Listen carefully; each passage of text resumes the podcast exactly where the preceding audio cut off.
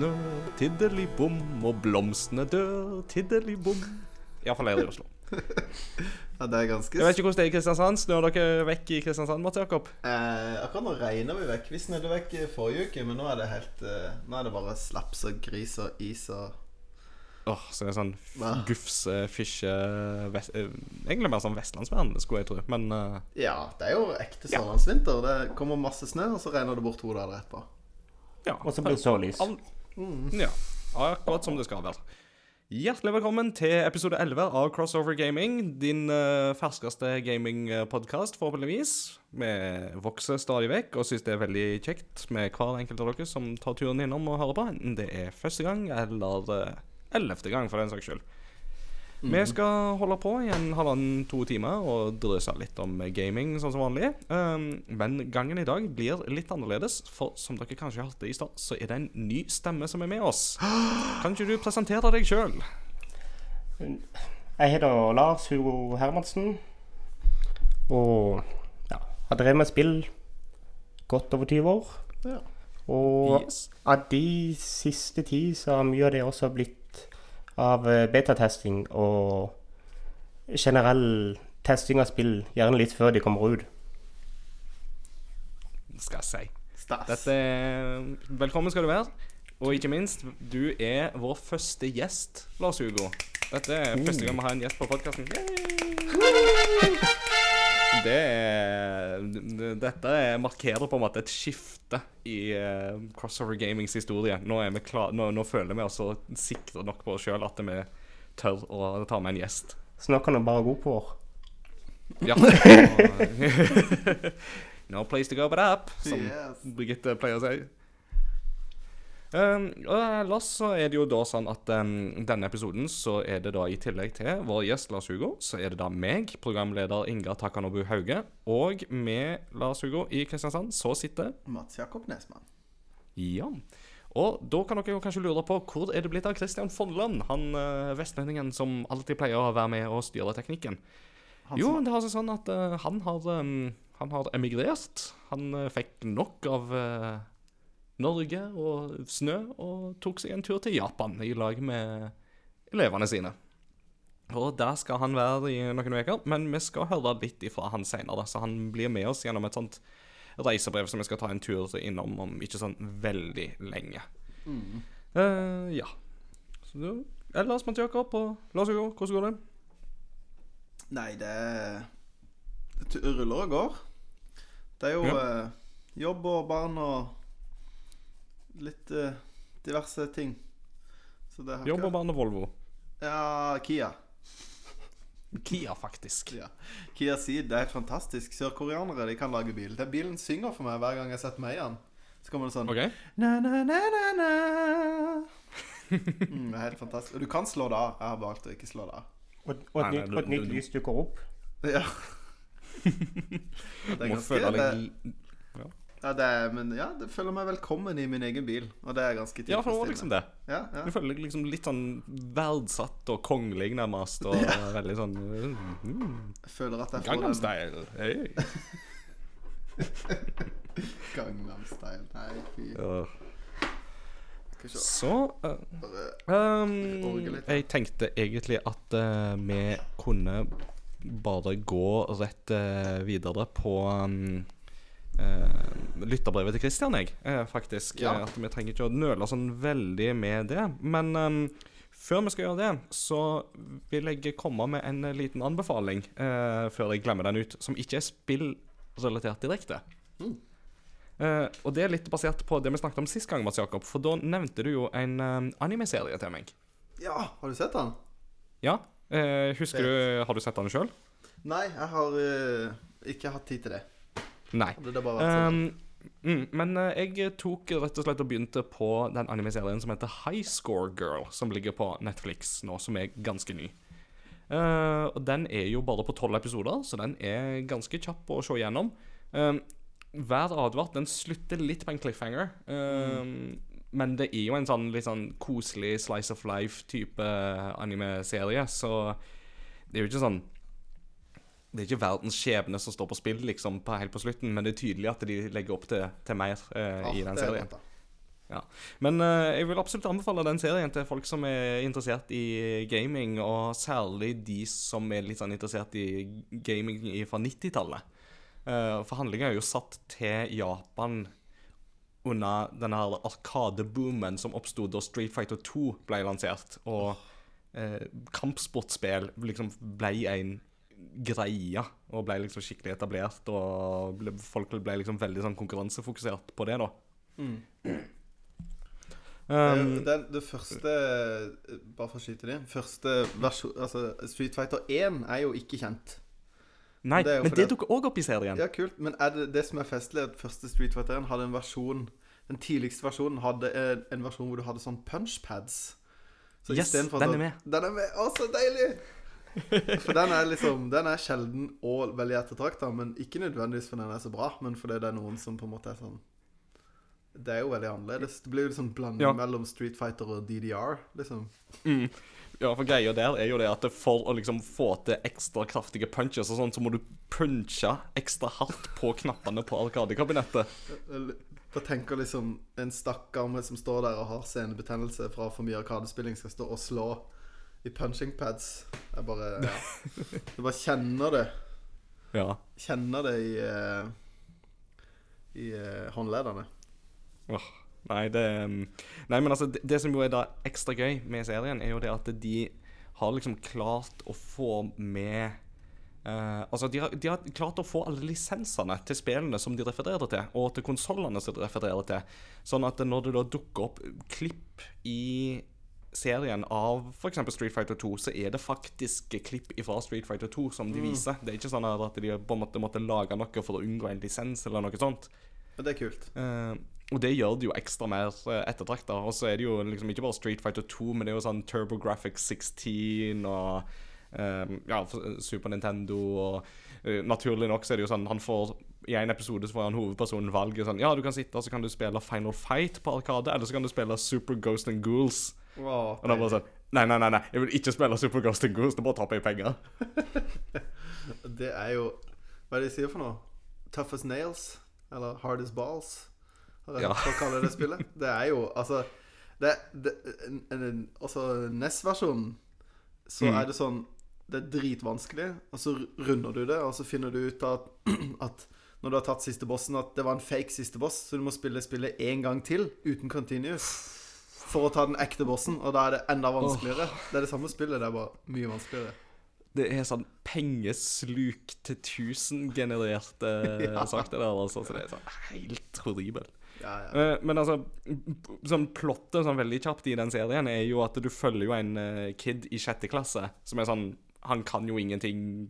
Han er liksom ikke sånn god på skolen og god i idrett eller sånne ting, men han er veldig flink i å spille Street Fighter, så det er liksom hans domene. Det er jo Arkadehallen. Helt til han plutselig får grisebank, og så ser han liksom Hvem i all verden var det som ga meg juling på det andre Arkadekabinettet, og så ser han Oi, det er jo hun rikmannsdattera i klassen som jo aldri sier et pip, og som bare er supersjenert. eh, og hun er dritgod. Du, jeg, vi sitter og ser på Wikipedia-siden, har kjapt, men uh, hun jenta Hun heter Akira. Mm. Ja, Akira Ono. Ja, men er det et veldig vanlig japansk navn? Eller er det bare et veldig vanlig popkulturnavn? Akira er faktisk eh, vanlig. Altså, Hvis du bare tenker på Akira Toriyama, som jo er mm, skaperen av Dragon Ball, så er jo det Ja, ja. et eksempel. Ja. Ja, jeg bare Så det jeg tenkte liksom at eh, Å ja, det er jo en kjent animefilm, iallfall i Vesten. Og så Mm. Det er litt som Jeg føler det er litt som at eh, Ja, du har en, en kjent film som heter Lars i Norge. Prøver, du? Jeg sier det er et vanlig altså- navn. Ja, jeg bare Ja, Du kan aldri vite. Det, i, du vet, I Japan så kan det hende at det finnes et uh, visual novel eller noe sånt som heter Lars. Ja. Enkeltbillett. Eh, ja, enkeltbillett må vi jo nevne. For det var jo eh, Christian har jo lagt ut et bilde på Instagram og Facebook-sida. For han har da klart å finne en visual novel retta for de litt mer sånn unge kvinner. En såkalt otome visual novel. eh, til PlayStation Portable. Som da har det veldig klingende navnet Enkeltbillett. Eller hva heter det på japansk? Inkeruto biretto. Selvfølgelig. Det står med katakana unna. Så snakk om et sånn random skandinavisk ord å bruke som um, tittel på spillet ditt, men det var sånn enkeltbillett. Enkeltbillett. Men du er, sik okay. du er sikker på at det er ikke noe Det er ikke en greie i Japan, liksom? Hva er, er det noe som er enkeltbillett på japansk? Uh, ja, altså, du har jo et ord for enkeltbillett, men det husker jeg ikke i farten. Men det er definitivt ikke enkeltbillett. OK, det er godt. Det, det, det kan jeg love. Ja, det er bra. Uh, ja. Så i hvert fall um, High Score Girl anbefalte anime-serie på Netflix. Tolv episoder. Uh, veldig gøy hvis du har litt interessen for uh, den type Altså den generasjonen der. Og, og for så vidt hvis du vil lære mer, så får du liksom gå igjennom mange forskjellige sånn Street Fighter 2-versjoner og sånt. Kult. Um, og er du i Japan og er på jakt etter en uh, visual novel til PlayStation Portable, så plukk opp Inkeruto Biretto. Absurd. Uh, Absurd! Absurd indeed. Yes. Før vi går videre til lytterposten, så tenkte jeg at vi skal ta og høre litt ifra eh, Altså Før vi har lytterpost, så skal vi ha et reisebrev fra Christian i eh, Japan. Så da tenker jeg at vi skal ta og spille det av nå. Konnichiwa, ohayo gozaimasu, eventuelt gombawa. Hvordan var den uttalelsen der, Ingar? Eh, vennligst eh, send meg en skriftlig tilbakemelding på min japanske uttalelse eh, på eh, Messenger.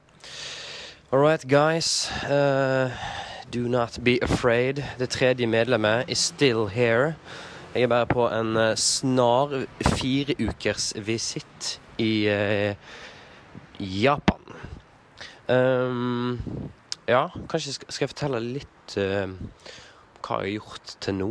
Uh, vært ei uke i Tokyo. Uh, nå er jeg i uke to. Nå er jeg i, eh, har base i Osaka, men har vært uh, turer innom KB og Hiroshima og ja, skal til Kyoto litt seinere. Det det er nice. Eh, Tokyo, åh, det er jo et eh, mekka for spillinteresserte. Det er så em, utrolig bra uh, bruktbutikkmarked der. Kan finne ganske sånn fint behandla gamle Gameboy Pocket, liksom, eller originale Gameboy. Gameboy Color, Gameboy Advance, eh, Dreamcast. Tonnevis av forskjellige Dreamcaster. Um, ja, brukt, men eh, ganske god condition, og relativt billig. Uh, men jeg har ikke kjøpt noen brukt konsoll. Kjøpte meg um, litt diverse Switch-utstyr som fører meg eh, videre til det spillet som jeg har spilt i det siste. Jeg må jo skyte inn litt i den spalten der òg. jeg har spilt PlayStation 2-hiten Onimusha Warlords, på, eh, som nå er ute på Switch. Um, spilte aldri da spillet originalt. Spilte treeren. Eh, og ja, jeg husker det fetere enn det egentlig er den dag i dag. Hvis jeg kan være helt ærlig. Eh, fixed camera og i trange korridorer hvor du slåss mot en fiende, og plutselig skifter kamera fordi at du sto litt nærmere den veggen der, og ja, combaten blir ganske sånn knotete av det. Men eh, Onimusha 3 på PC, tenker du? What? Var ikke det en PlayStation-serie? Jo da, men på Nå var dette, da. Midten av 2000-tallet. Så um, um, bestemte Capcom seg for å plutselig lansere tre av spillene sine til PC. Og da kom Onimusha 3, uh, Resident Evil 4, som eh, var en forferdelig dårlig port. Å, fytti grisen. Men eh, fikk en eh, bedre port seinere igjen, da.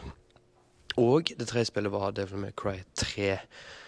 Som, ja Devil May Cry 3 og Nemusha 3-portene funka greit. Um, ja eh, Det er vel da jeg har spilt på Switch, ja. For det blir jo en del sånne lange togturer her, og lange flyturer. Da er det greit å ha Switchen, altså. Det er gull. Hva gjorde en før en hadde Switch? Uff.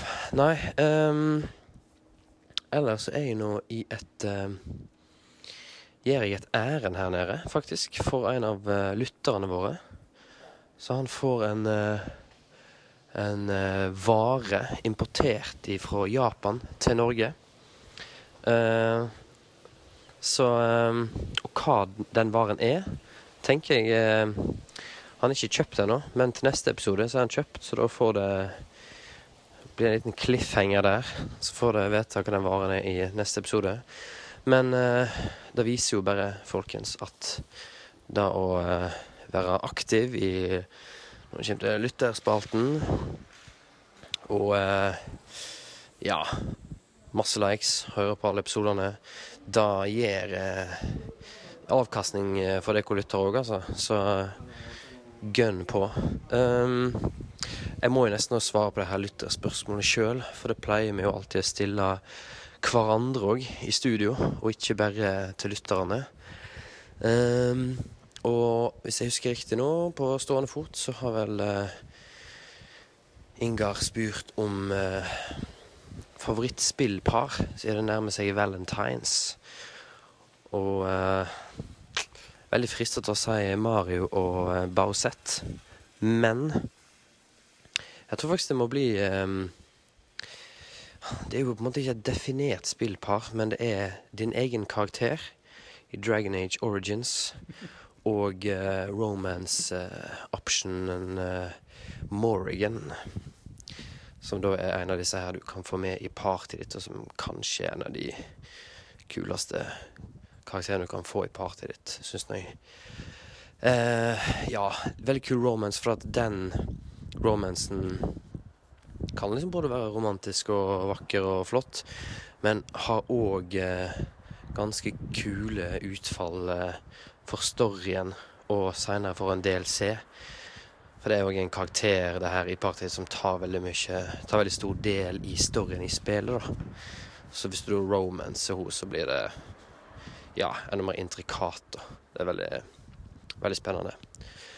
Um, ja Jeg lurer på om det er sayonara for min del for denne gangen. Og så um, rapporterer jeg inn et nytt reisebrev til neste episode. Um, ja. Sayonara. All right.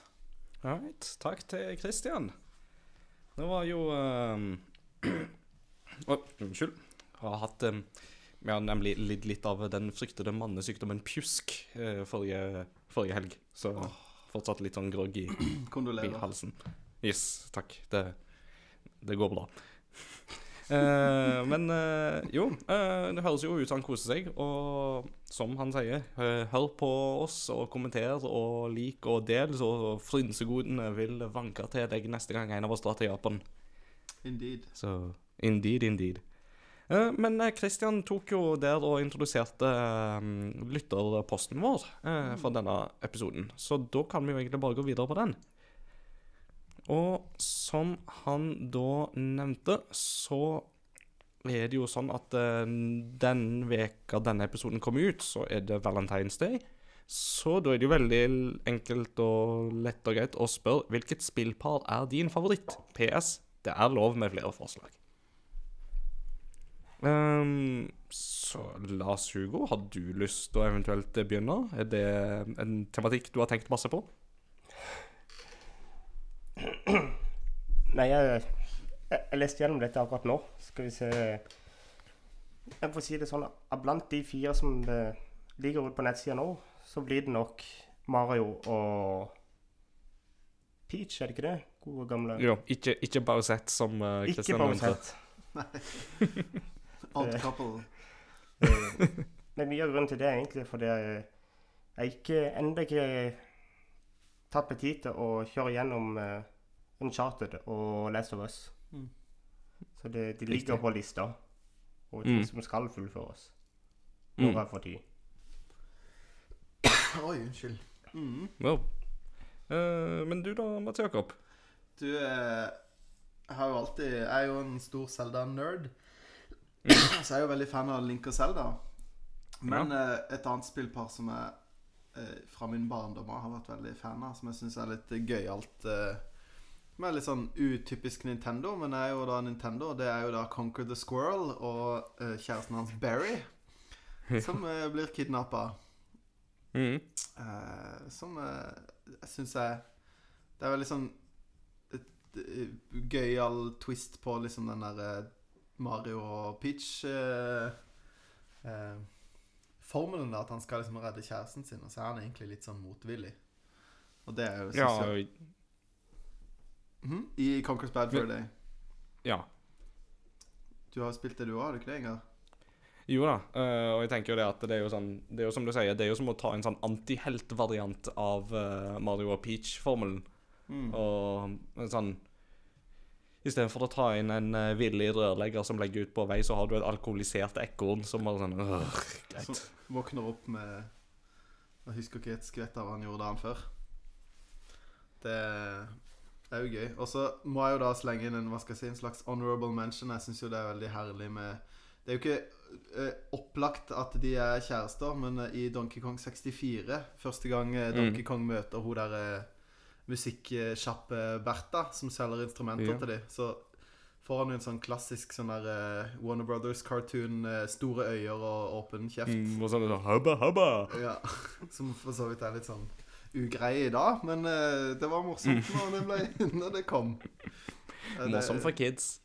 Ja, ja, ja. Jeg vil, jeg vil ikke at uh, Donkey Kong skal få en sånn sexual harassment-suit på seg. Men eh, That makes me a sad monkey. Og du da, Ingar? Hva er dine favorittpar? Du, jeg eh, skulle jo egentlig tenke veldig på denne her sjøl, og så har egentlig dagene gått litt i ett siden jeg la ut den posten, så jeg um, har ikke fått tenkt like heftig på den som jeg skulle ønske. Um, så jeg sliter liksom litt med å komme på de der veldig kreative um, parene, men em, jeg vil jo trekke fram Uncharted, eh, Uncharted-serien. Og da er jo spørsmålet hvor mye jeg får lov å spoile av Uncharted 4. Ja, jeg har ikke spilt det ennå, så det får du ikke lov til. Jeg holder på med treeren nå, så Ja. Ja. Ikke noe Eh, særlig. Men, ja. eh, nå er det jo noen i den posten som kanskje har spoila noe, da. Men eh, Mm. Ja, det, det er ikke mer enn det en av våre lyttere allerede har skrevet, liksom. Så ja, da er det bare Ja. spoil away. Ja, men altså, det mm, Altså Emily og eh, Nei, ikke Emily, og, men eh, Elena og Nathan i Uncharted-serien har en veldig fin dynamikk, syns jeg, som særlig kommer til uttrykk i fyren. Men det er Eh, hun, uh, er hun skurkedama som han eh, åpenbart har en fortid med i toeren, er det ikke det? Som Det er Chloe. Det er Chloe, det, ja. Ja, Elena er jo hun blonde reporteren. Ah, ja, hun er jo også med i toeren. Ja, og treeren. Ja, da har jeg ikke møtt henne i treeren ennå. Nei, OK. Da, sorry for the mild Thanks, spoiler. man. Men uh, det er sånn recurring characters. Det er litt sånn Ja, ja, Du det. regner med at de dukker opp. Altså, jeg kan ikke bli sur for spoilers når jeg velger å spille et, et forholdsvis gammelt spill. Nei, ikke sant. um, ellers så Altså Som en sånn JRPG-fan så er det jo Altså Jeg kunne jo ha trukket fram holdt jeg på å si, en rekke romansemuligheter i Persona 5, men da hadde jeg liksom sittet her og snakka resten av episoden, så jeg vet ikke om jeg skal liksom begi meg ned den, den veien der. Helst ikke. Um, nei. Um, men um, hvis jeg skal tenke litt mer sånn klassisk JRPG, så syns jeg jo både Final Fantasy 9 og Final Fantasy 10 har nok en rom romanser som er liksom litt sånn Som jeg minnes med nostalgi, iallfall. Ja. Um, altså I Final Fantasy 9 så har du jo uh, hele denne dynamikken mellom Zidane, som jo er hovedpersonen, og Garnett, eller Dagger, uh, som liksom er en sånn bærebjelke gjennom hele, hele spillet. Uh, hvordan liksom forholdet mellom de to eventuelt er, og eventuelt utvikler seg. Og i Final Fantasy 10 så har du jo Tidus og Yuna, som òg på en måte har blitt stående i ettertid som en av disse store parene i Final Fantasy-sammenheng, iallfall. Mm. Så det er liksom de jeg vil trekke fram nå. Og så kunne jeg sikkert ha kommet på noen enda bedre forslag hvis jeg hadde tenkt meg litt bedre om, men uh, det må jeg bare beklage. Men uh, Men det sånn er det jo... når du er på seminar og lider av pjusk. Ja. Men det, det er mange som har kommentert, da, så vi har mye å ta av. Det har vi. Innspill. vil, du begynne, vil dere begynne i en ende, og så kan jeg begynne i en annen? Da kan jeg begynne fra toppen her. Ja. Eh, og da har Anders Lønning skrevet eh, Elena og Nathan er en klar contender, mye pga. innlevelsen til Emily Rose og Nolan North. Spesielt i begynnelsen av Uncharted 4.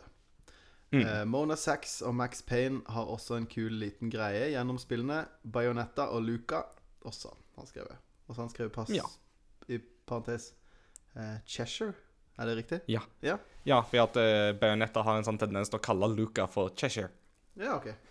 Ja, Det er liksom hennes eh, klengenavn på han. Eh, Det man kan jo diskutere hvorvidt de er et par, for så vidt, og sånt da, men eh, de har jo absolutt en sånn dynamikk imellom seg som veldig fort kunne vært tolka som et sånt parforhold hvis de ikke var redd for at Bajonetta skulle sparke rumpa til mm, stakkars Luca bare han prøver seg. Ja, men jeg tror hvis vi skal inkludere den, godkjenne den siste som et par, så må vi iallfall godkjenne Bajonetta og Luca som par. Ja, det er sant. Og det er klart at et, et par kan være så mangt, ikke sant? Altså, det n- altså, Nå tenkte jo jeg litt mer det sånn romantisk eh, variant, absolutt, men det går jo an Altså, man kan jo trekke det fram som en duo òg, liksom, så Ja. ja. Um, Stig Kenneth har eh, skrevet Nathan Drake og Elena er helt klart min personlige favoritt, men kan slå et slag for Anju og Kafei fra den infamøse sidehistorien i Zelda Majora's Mask. Kanskje en av de best, mest minneverdige sidehistoriene noensinne. Det syns jeg er et veldig bra poeng eh, der, altså. Er det den der Love Mask Quest? det? Yes. Ja, ikke sant?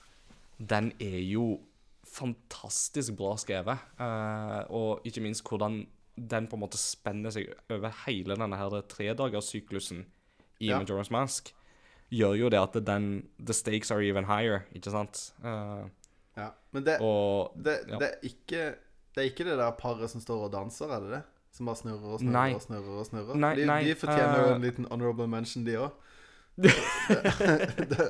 bra bra animasjon. Det er bare Wii! Og så er de jo også med i Det er bare sånn klipp og lim fra Ocarina of Time òg, er det ikke det? Jo, jo, jo. Absolutt. Eh, jo, for de driver jo en sånn shooting gallery eller noe sånt i uh, Majora's Mask. Nei, det gjør de kanskje. Nei, det, Ja. Nei, Anjo og Kaffe, det er Altså, Kaffe er jo da um, Han er jo egentlig forlova med Anju. Mm. Og så rett før Majora's Mask finner sted, så har han da blitt uh, ramma av en forbannelse og blitt gjort om til en liten gutt. ja. Og da lever han liksom i skjul for Anju. Han tør liksom ikke å vise seg lenger, fordi at eh, Hvordan kan hun liksom gifte seg med han nå? Uh, og så går han rundt med en sånn Keaton- Keaton-mask eh, og skjuler identiteten sin. Kanin? Mens uh, Anju jobber på det lokale vertshuset og liksom er litt sånn spør etter han og 'Har du sett han? Vet du hvor han er?' Og så må du etter hvert liksom begynne å koble de trådene sammen med å utveksle brev imellom deg. Sant, det. Så ja. Supert. Leser Mm. du mm. neste, eller Lars Hugo? Det kan du gjøre. Neste er fra Torstein uh, Røysokk.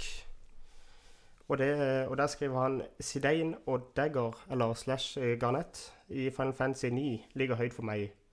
Hele det spillet har så bra karakterdesign, og du får en connection med de på et veldig realistisk nivå. Blir den dag i dag fortsatt våt i øynene av den siste scenen i spillet. Mm. Det, jeg eh, skriver under på den, jeg òg. Altså, den eh, jeg, Fortsatt så er det jo ikke sånn at jeg, jeg, Hvis jeg hører dette her eh, Beyond the Door-temaet, som er på en måte avslutningstemaet til den siste mm, filmsekvensen i Final Fantasy 9, så kjenner jeg alltid at jeg blir liksom mushy. Ja, ikke sant. Jeg, jeg har faktisk Mm. ikke spilt Final Fantasy 9. Jeg har bare spilt 7 og 8. Oh, Det er de- Nien er absolutt anbefalt. Altså. Det kommer jo snart på Switch. Ja, det, men jeg, jeg tror av nostalgiske grunner så må jeg spille det på PC1 hvis jeg skal spille det. Selv om det Ja, ja, er en, da... en litt kjipere variant, men eh, Nei, egentlig ikke, for det kom såpass seint i PlayStation-løpet at det ser veldig veldig bra ut til å være det som PlayStation 1-spill, faktisk. ja. Ja, Så um, altså, for min del så er jo det um, Jeg holder fortsatt Final Fantasy 6 på min førsteplass i den serien, men Final Fantasy 9 er en knepen andreplass, altså, som eh, Eller det vil jo si, førsteplassen er knepen, for andreplassen kommer ganske tett Ja. Den òg, da. Mm. Ja, ja. For, Så, meg det, for meg er det seks og syv, altså. Det, Mm. Men ikke åtte, altså. Selv om de òg har jo et ganske bra par. ja, men øh, jeg husker, som jeg har snakka om, før, jeg husker best åtte for det der kortspillet. Ja. Eh, og at vi liksom endte opp med å liksom bruke sikkert to måneder av livet vårt på å bare bli badasser i det der eh, magic-aktige spillet som er inni der. ikke sant? Men eh, Mm. Kan, kan jo for så vidt òg diskutere om parrelasjonen i åtten er så veldig bra, for at Squall er jo veldig sånn mopey og stille og veldig sånn nye, nye, nye. Og uh, Renault er jo litt sånn Oh, he's so dark and handsome, I must save him. ja, evil uh, Kid. Mm, så du kan liksom diskutere hvor sunn den romansen egentlig er. Ja. Uh, men samtidig så er det liksom noe fint med den òg, da. Så ja. Ja. Men du, Um, leser du Kjetil sin? Ja, jeg kan lese Kjetil sin. Den er ganske lang, så her må dere sitte og forberede dere. Men jeg syns han er inne på noe spennende her. Mm. Det er mange sterke romantiske skildringer i spill, og det er mange dårlige. Jeg synes det ofte, som i mange filmer, kan bli for melodramatisk, brautende og virkelighetsfjernt. Du kan fort merke en film eller et spill når den romanse er der for å skape enkel underholdning og tjene raske penger. Disse gjør sjelden noe varig inntrykk. Jeg vil trekke fram en romanse, et spillpar, som er helt som er utenom det vanlige. Både fordi paret ikke er hovedpersoner i spillet, og fordi historien fortelles så diskré. Bill og Frank i The Last of Us. Det er to hovedgrunner til at jeg synes nettopp denne relasjonen er så vakker. 1. Det er ingen solskinnshistorie. Spillet tør å være ærlig om hvor vanskelig nære relasjoner kan være, spesielt med all mistilliten og elendigheten som en zombie-slash-infected apokalypse sprer. 2. Bill bryter med alle stereotypier for en homofil spillkarakter. Når skeive blir portrettert i spill, er de som regel veldig stereotype. Filmer sliter også med dette. Med feminine fakter og glitter. De som kjenner Bill fra The Last of Us, vet godt at han utstråler alt annet enn disse tingene. En, relativ, en relatert historie til slutt. Boone Cotter ble høsten 2017 ansatt som lighting artist i Naughty Dog, spesifikt for å jobbe med Last of Us 2. Hans fremste motivasjon for å søke på jobben var etter å ha spilt Last of Us og blitt rørt av Bill, som var den første spillkarakteren han virkelig kunne kjenne seg igjen i. Da Cotter fortalte dette på jobbintervjuet, brast han i tårer og trodde det ødela alle sjansene hans, men han fikk jobben.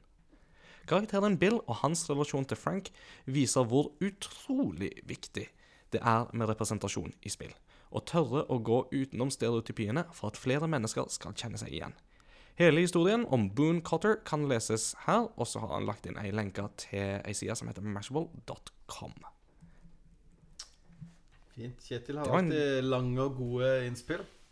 Det skal du ha, Kjetil. Du er flittig til å både kommentere og lytte, og jeg synes du er inne på et veldig viktig poeng her eh, Mm. med dette med hvor Altså, hva skal vi si? Altså skikkelig representasjon i spill. At eh, man tør å gå utenom klisjeene og faktisk på en måte tør å lage rollefigurer som man kjenner seg igjen i.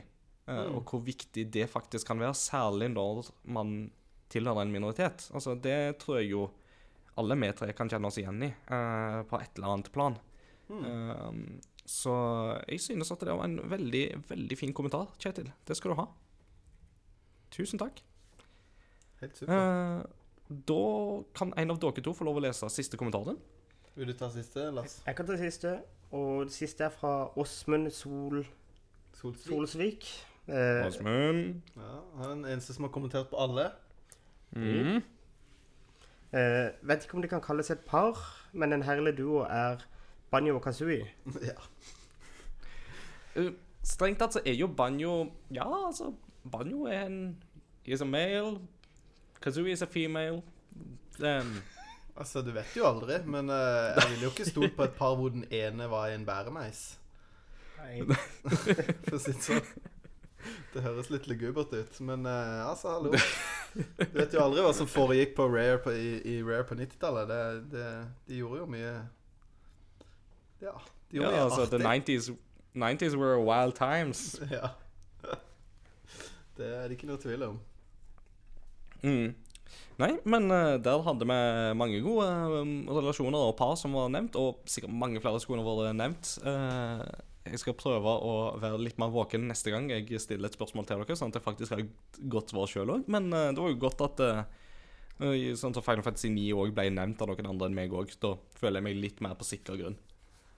Så uh, Med det så tar vi turen videre til vårt faste segment, som er Hva har du spilt i det siste?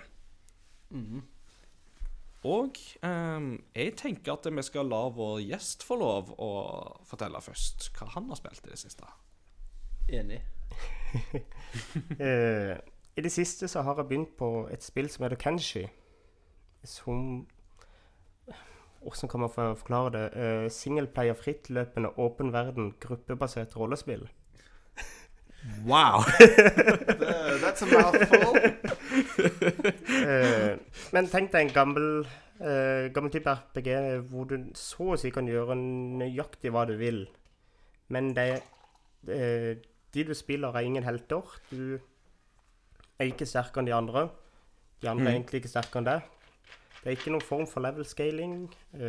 Alt er egentlig bare basert på stats og alt sånn. Og fra helt fra start av spillet så har du alt mot deg. Bortimot. Eh, og det, som sagt, du kan gjøre det meste på det. Altså, det er en åpen verden eh, uten noe særlig historie, annet enn at det er en eh, post-akopalyptisk verden. Mm. Eh, og du må lage din egen historie med åssen du vil gjøre det. Eh, men eh, i og med det blir, blir kalt for en gruppebasert, det er fordi at du styrer opp til flere, opp til flere folk om gangen. Opp til er det 34 eller 35 du kan styre på samtidig. Oi. Som du Oi. legger over i forskjellige grupper for å gjøre det litt enklere. Og du Det er litt sånn Jeg, tenker på en gang litt sånn RTS. Sånn derre Denne gruppa med soldater. Ja, nesten. Eller du kan egentlig tenke det på som uh, uh, Pokker det uh, XCOM. I, Ja. i, det, i den, eh, Ja. Ja, kult. Altså at du gjerne lager litt mindre grupper som du styrer. Men så kan du hoppe til de Du kan ha gjerne én gruppe helt oppe i toppen av kartet. Så kan du hoppe til den andre gruppa, for den blir angrepet lenger nede. Uh, men Kenshi er såpass hva kan du si, spesielt at du For å bli sterk, så fyller du en sekk med stein, og så løper du rundt med den sekken. Til du blir sterkere. Ja. For, uh, for å bli bedre til å slåss, så må du slåss. eh, eller du kan gå ut og med vilje på en eller annen måte greie å få slått av armen din, for å så få tak i og montere på en mekanisk arm for å bli sterkere. Ja. Så det, men til nå så har jeg en 30-40 timer i det, og det på mitt første run. Og det er himla mye du kan gjøre det. Men det, Er, det et, er det et nytt spill? det er et spill som har kommet offisielt ut nå, men det var blant den første pulja som ble sluppet på Greenlight Ja. i, tilbake i 2012-2013. Det er sånn, Wow. sånn, typ sånn som med, sammen med Rust og sånn. Jepp. Ja. Uh, og det er mest uh, For det meste lagd av én person, som begynte på det før den tida igjen. ja, for det, jeg ser på bilder nå, og det ser på en måte ut som en blanding av Oblivion og Age of Empires. Eller sånn. Ja, altså du kan, du kan se ovenfra, du kan skrolle helt ned for å se nedenfra. Du kan bygge din Vent, skal vi se ja. Du kan eh, gå ut i villmarka, bygge din egen by hvis du vil det. Bare pass på å beskytte den godt nok. Eh, egentlig det Hva kan jeg forklare det? Altså at det, hva du egentlig tenker på, kan du så å si bortimot gjøre på en eller annen måte. Eh, og hvis ikke du kan det originale spillet, så finnes det mods til det. Ja. Som er eh, innebygd i Steam, for å gjøre den enda enklere igjen. Men jeg, jeg liker at de kan slippe et spill som på en måte ikke ser sånn ste, Det, det ser ikke fint ut. Nei, det ser ut som et Det ser ut som, det ser ut som Tomb Raider 1, liksom. Altså, hvis, hvis, hvis du sier at det ser ut som Oblivion, så tenker jeg da ser det ikke fint ut. Ja, men du må, du må sjekke et screenshot av det, Inga, for dette det Altså, det er grått og trist for det meste par ja, meste veldig, of Empires kommer litt av den Vibben kommer litt av menyene, og at alt er liksom brunt. Ja. Det er bare Mhm. sand og Ja, jeg ser det. sand and dirt. Det er kult. Men det er for folk som liker eh, spill hvor det er vanskelig, og du har egentlig kan bestemme din egen historie. Det, jeg har hørt om folk som har starta som en slave. Og det, når, du vel, når du velger å starte som en slave, så står det bare som tips gå hjem deg i et bur med en gang, for ellers blir du slått. Ja. Og, og så kan du da, mens du må bli tvunget til å jobbe, så kan du, blir du sterkere. På nettene så kan du drive og trene da lockpicking til du endelig greier å rømme fra buret. Så kan du trene der i stelt for å endelig greie å komme og rømme. For å da å bygge opp folkene dine og din egen base til du slutt, til slutt går tilbake igjen og så kverker alle de som hadde det som slave. Shit. Hvis du vil. Så det Hvis du vil. hvis du vil. Eller du kan bli venn med en av de fraksjonene som er i spillet, og gå til krig mot andre. Det egentlig bare deg selv som setter stopper for hva du gjør. Kult. Nice, nice, nice. Høres fett ut. Ja. Veldig kult. Og veldig gøy òg at du nevnte at dette var en sånn gammel Steam Greenlight-sak. det tipper jeg vi kanskje kommer litt tilbake til i andre Ja. del av episoden. Ja. Så Ja, altså, det var en sånn fin sånn tie En av de første det, han holdt på, han har, Som har forstått, så har han holdt på med spill i over tolv år. Og før det så ble det sluppet ut via hans nettside til folk som, til Wow. de som ville. Så det, men han har vært flink til å ta imot eh, hva folk eh, sier, og hatt mye hjelp Mm. til å forme det til at det blir sånn som det blir nå. Ja. Stilig. Det er skikkelig Kenshi, sånn for sånn passion projects. At det er litt sånn Når du har holdt på med et spill i tolv år, så gjør du det åpenbart ikke fordi at du har lyst til å bli rik. Du gjør ikke det. Nei, Og i tillegg har full jobb for å så gå hjem på kveldene og så sitte og programmere. det har ikke mange unger. det kan jeg love deg. Har ikke vi livet. nei, nei, det er ikke Livet begynner klokka åtte. Ikke sant? Ja, frem til de blir 14. Ja, ja, Og da ligger du våken til de kommer hjem. Det blir det. Mm. Ja, jeg gruer meg til det.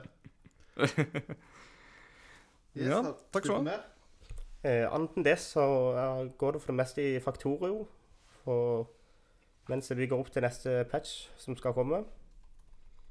Mhm. eh, jeg vet ikke om noen av dere har spilt faktorer fra før, men faktoria er egentlig bare Eller faktorio er eh, Du bygger Du havner på en planet, og så skal du bygge en eh, romskip for å rømme planeten. Og for å lage den, så må du da begynne å mine og bygge det Automatisere alt.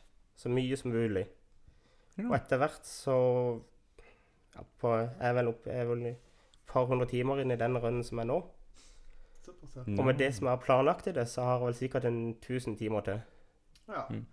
Jeg har sett bilder av det før, men jeg har aldri spilt det sjøl. Men eh, jeg har jo bare hørt lovord om Ja. det. Og idet jeg googler Faktorier, så ser du liksom Steam 10 av 10, eh, og 97% av Google users like this video game.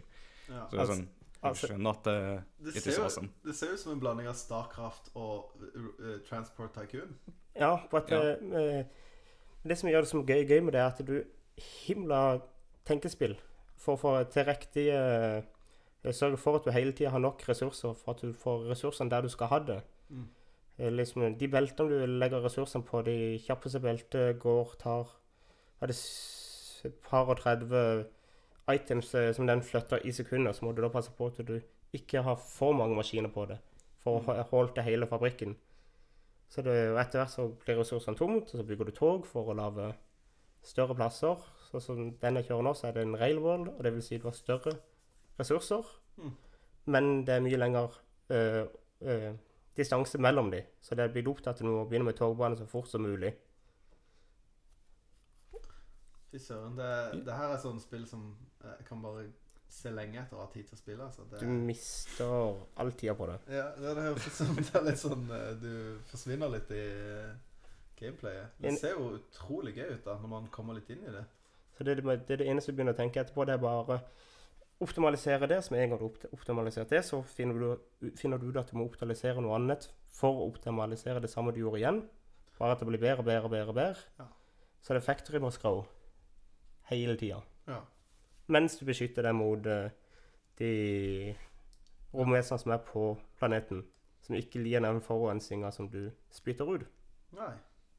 Så Mm. det er litt sånn Er det litt sånn Hva skal jeg si? Litt sånn miljøgreie. Det hørtes litt ut som du ble angrepet av de For det ser jo Altså, det er jo grått, og det ser jo ut som den industrielle revolusjonen, på en måte. Ja, i alle bildene. Og når du etter hvert begynner å produ- etter hvert har et par hundre nuklearreaktorceller eh, hvis Før du har det, så går alt på kull- eller oljebasert. Så det og du, det, er- hva kan du si, det er vind i spillet som du ser røyken flytte seg over kartet. Med Ja. en gang den røyken eller den pollution treffer en fiendtlig base, så løper de dit og angriper det. Ja. Helt til du blir kvitt den basen. Og det Så du, du, blir, du blir aldri ferdig med det. Kult. Fascinerende. Gøy å ha noen spill man alltid kan gå tilbake til, da. Det er det. Veldig gøy. Veldig gøy.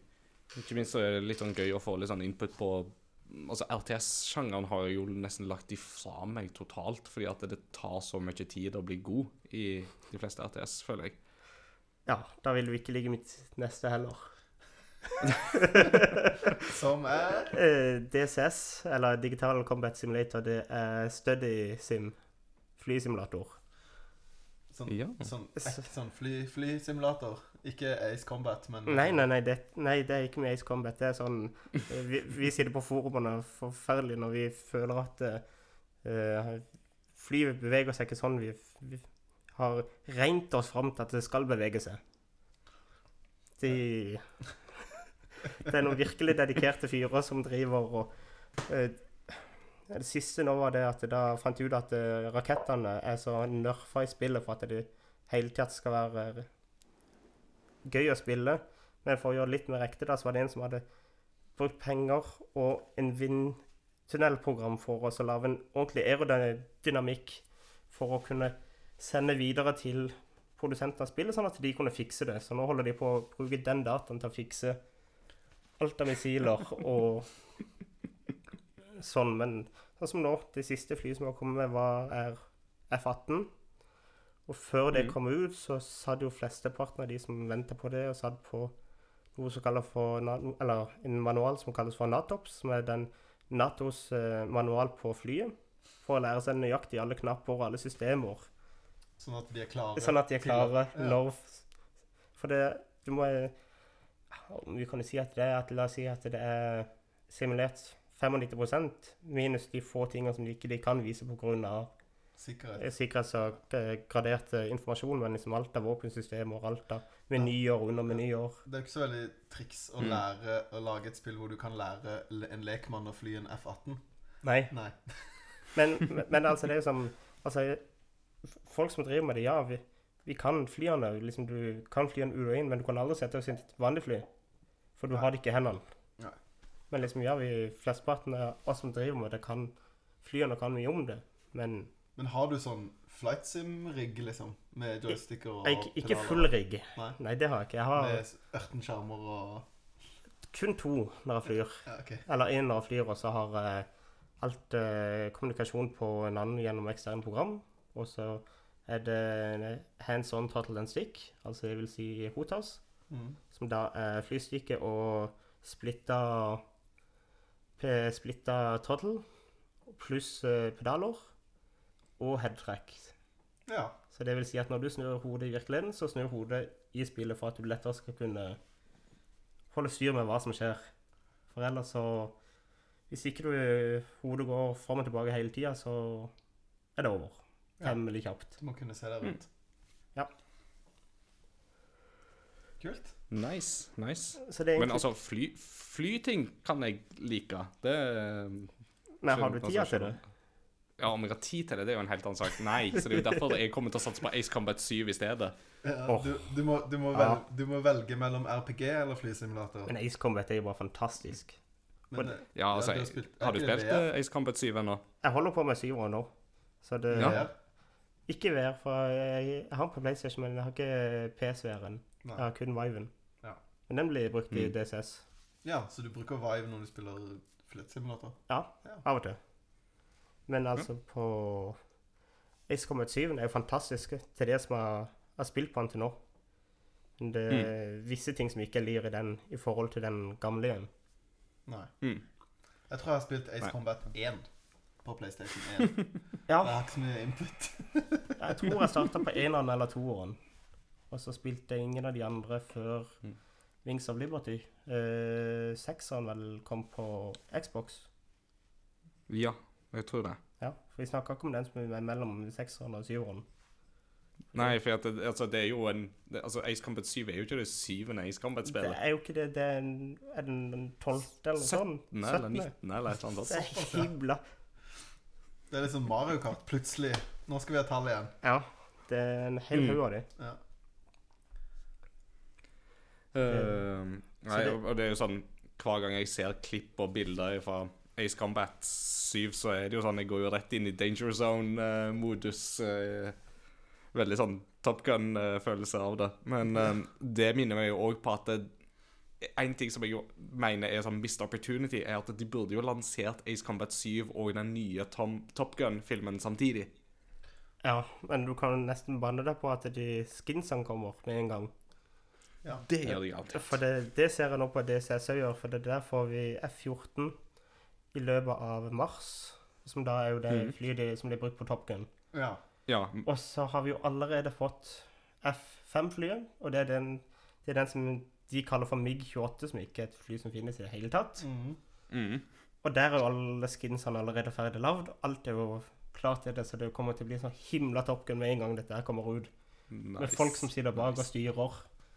For det, du kan sitte to i samme flyet ja, kult. Mm. og styre. Så én blir eh, radar, og han andre flyr flyet. Nice. Men så er jo spørsmålet når kommer hotshots-kostymene og skinsa? Skal ikke forundre meg om de ligger der allerede. Jeg vil please kan jeg være Charlie Sheen. Det er jo en genial film. Ja, uff. Altså, det, am, Dagens anbefaling, hvis dere ikke har gjort det før, se Top Gun først. Ta en bitte liten pause på 10-15 minutter, og så fyrer du opp hotshots med en gang etterpå. Ja. Det lover jeg er fantastisk god underholdning. Det, det, det tror jeg på. Det er jo en absurd film. Hotshots er er sant. Både eneren og toeren er jo fantastiske av de. Ja, ja, ja. Det er jo Det, utsøkt 90-tallsunderholdning. I mitt hode så heter den filmen bare Hosh Hosh. For det at eh, kompisen til en kompis av meg Han var så dårlig i engelsk at, eh, at det var de skulle se film, og så tror jeg de nesten ikke endte opp med å se film, for han sa 'Kan jeg ikke se Hosh Hosh?' Og så var det ingen som skjønte hva han mente. Og så bare sånn 'Jo, den der Hosh Hosh'. Så, ja. så det i mitt hode heter den bare Hosh Hosh. Han, han, han sikta selvsagt den der bikkja som de alltid setter seg på i den filmen. Bare, Eh, jeg tenker at um, Mats Jakob um, Kanskje vi kan høre litt hva du har spilt i det siste? Ja, det, det er forholdsvis kort og godt, altså. Jeg har spilt Ja. uh, Uncharted 3, som jeg hinta litt til i stad. Mhm. Og så har jeg spilt uh, Castlevania på uh, Ja, hva for et da? det første. gode gamle. Ja. 8-bit Nice. Nintendo. Og det som er frustrerende, er at jeg har hørt masse på det soundtracket. Sånn når jeg mm. jobber eller uh, kjører bil eller Og så Mm. Soundtracket er jo dritkult.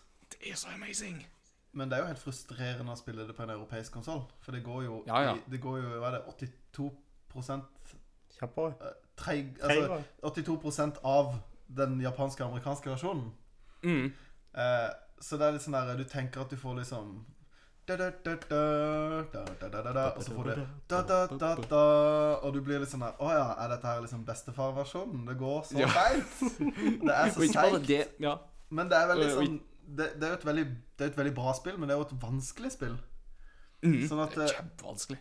Sånn at det, eh, det er litt deilig, for du får Det er litt som når du spiller typ liksom en, en, en shoot them up, og så lagger det litt. Så er det egentlig litt deilig, for du får litt mer tid til å tenke. Mm. Så det er litt sånn eh, du får, du, Ting kommer ikke like brått på da når du spiller det på den europeiske versjonen. Nei. Men det er jo et helt fantastisk gøy spill, og utrolig bra lagd til å være Det er vel lagd i 88 eller 89, tror jeg. Eller det, kom, det er et ganske Ja, det er, tidlig sånn, det er sånn 86-88 rundt. Enten 86 eller 88, mener jeg å Ja. huske. Det er ganske tidlig i eh, I NES-biblioteket, da. Ja, det er det jo. Eh, For de av lytterne våre som jo ikke vet helt om den der forskjellen mellom japansk og amerikansk sone og europeisk sone, Eh, så, så var jo det pga. at TV-frekvensene var jo forskjellige. Det er jo det som vi kaller for NTC og PAL. Der vi i Europa har brukt PAL, som har, har pleide vel å ha Det viste vel 24 bilder per sekund, hvis jeg ikke tar feil. Eh, mens eh, NTC viste 30. Ja. Og jeg, at eh, for at da spillene skulle funke best mulig på PAL-TV, så måtte de senke farten på spillene med 12 eh, Men òg da med det resultatet at all musikken går jo òg 12% treigere, og går jo òg da ned i toneart som Ja. følge av det. Det er en annen pitch. Mm. Ja, vi sjekka nå. Det kom faktisk ut i september 86, så det er jo enda tidligere enn jeg trodde. Ja. To år før, to år før, år før jeg ble født. Ja. Tre år før jeg ble født. Så det We're old. Yeah. Yeah. But Dracula is older. Yes. Vlad the Impaler.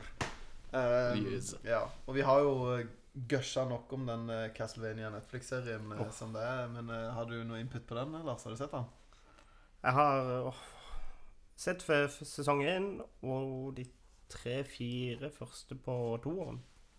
Mm. Og så har jeg så- egentlig bare planer om å finne en dag for å se resten samtidig.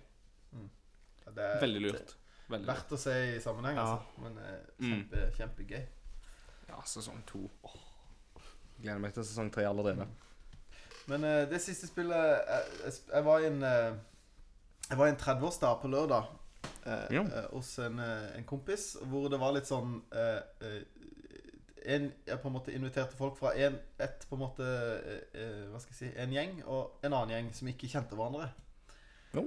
Hvor jeg da uh, ble forespurt om jeg ikke kunne ta med Switchen, sånn at vi hadde et eller annet hvis de på en måte ikke blanda av seg sjøl. At man Mm. kunne blande. Og det er jo på en måte Det Smash. er jo noe av det jeg syns er gøyest. Og så skulle ja. vi spille Smash, men, men uh, Switchen min er veldig rar. For at hvis jeg har lasta ned et spill, så kan jeg omtrent liksom telle på Vite at liksom de to neste gangene jeg prøver å åpne det, så sier han at spillet det er noe korrupt, og så må jeg laste det ned på nytt. Og Smash er jo et stort spill. Det er en ting med liksom Ja. eh, å laste ned et lite indie-game. Så vi endte opp med å ikke få spilt det, men vi spilte Needhog 2. Og det er, Ja. det er Det er så engasjerende. Vi sto og skreik. 20 voksne menn liksom i en 30-årslag.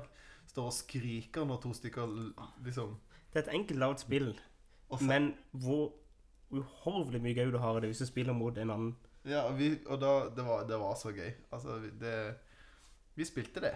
Og så spilte vi litt Mario Kart. Men, eh, men Needhog 2, altså, for dere som ikke har spilt det, det er superbra. Og nå er det på Switch, Mm. så det er helt uh, Få det spilt. Får det spilt. Ingar? Jo, Um, jeg har kommet meg litt ut av den der gaming-fatigen som jeg snakket om sist, så jeg har fått spilt en del, faktisk. Og, og veldig morsomt at du har spilt Castlevania, for jeg har spilt Super Castlevania 4. Ja. Ja. Eh, Jeg har da rett og slett tatt fram eh, SNES Classic Mini, kobla den til TV-en, og så har jeg eh, spilt eh, Super Castlevania 4, som er på der. Og fordelen da er jo det at eh, da får du NTSC-rommene, så det er jo veldig smooth.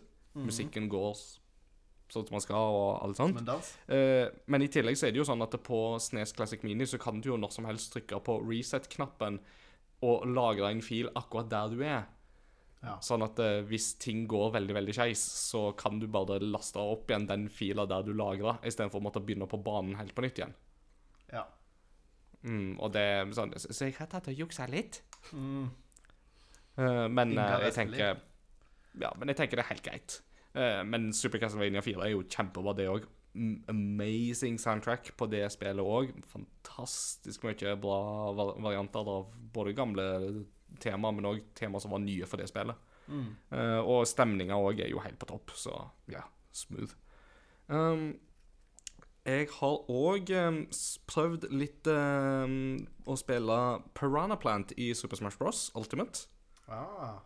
Den eh, nye figuren som du kunne få med hvis du kjøpte spillet i løpet av de første to månedene og registrerte på nettet at 'Hei, jeg har kjøpt det'. Åh, jeg glemte det. Åh. Ja. Nei, så, altså, Piranha Plant er en litt sånn annerledes figur, men uh, jeg tror det kan være en figur det kan gå an å ha veldig mye gøy med. Uh, og det som er gøy med Piranha Plant, er jo at uh, hvis du spiller som Piranha Plant og vinner, eh, så er seiersvideoen at eh, Mario kommer springende, og så skal han hoppe på et rør, og så kommer Piranha Plant opp og biter han i baken. og så står hun der og bare gliser med hoggtennene sine. De har for øvrig bekrefta at Piranha-planten er en ski, så Ah. det er noe veldig gøy med det. Og så er det sånn på promobildet til Super Smash Bros. Ultimate, der du ser alle figurene som er spillbare, Mm. Så er det jo noen som har zooma inn på der de nå har fletta inn Piranha Plant, og så ser de det at eh, Piranha Plant står med en vannkanne og vanner en Pikmin. det er så søtt! Det er, sånn, Det, det er bare attention to detail som bare er helt etter mitt hjerte, altså. ja, ja, de, de passer veldig på sine egne. Ja, ikke sant? så har jeg spilt ferdig Shenmue 2 Ja. siden sist. Ja. Eh, Så nå har jeg spilt både Shenmue 1 og Shenmue 2. eh, Og jeg er klar for Shenmue 3 når det kommer i august. Um, Shenmue 2 eh, Du merker veldig klare forbedringer fra Shenmue 1 til Shenmue 2. Eh, Blant annet så er det veldig mye mindre meningsløs venting i Shenmue 2 enn i 1, fordi at de har sånn Å, nå er jeg her. Stemmer. Det er her jeg skal møte den og den gjengen når klokka blir så og så masse. Skal jeg bare ta oss og vente, og så får du sånn wait, eller så får du quit. Og hvis du da velger quit, så kan du jo gå og gjøre andre ting, men hvis du tar wait, så går klokka automatisk til den tida Ja. du faktisk skal være der. Og det er jo eh, Um, bra at de forbedrer det, da. Ja, ja.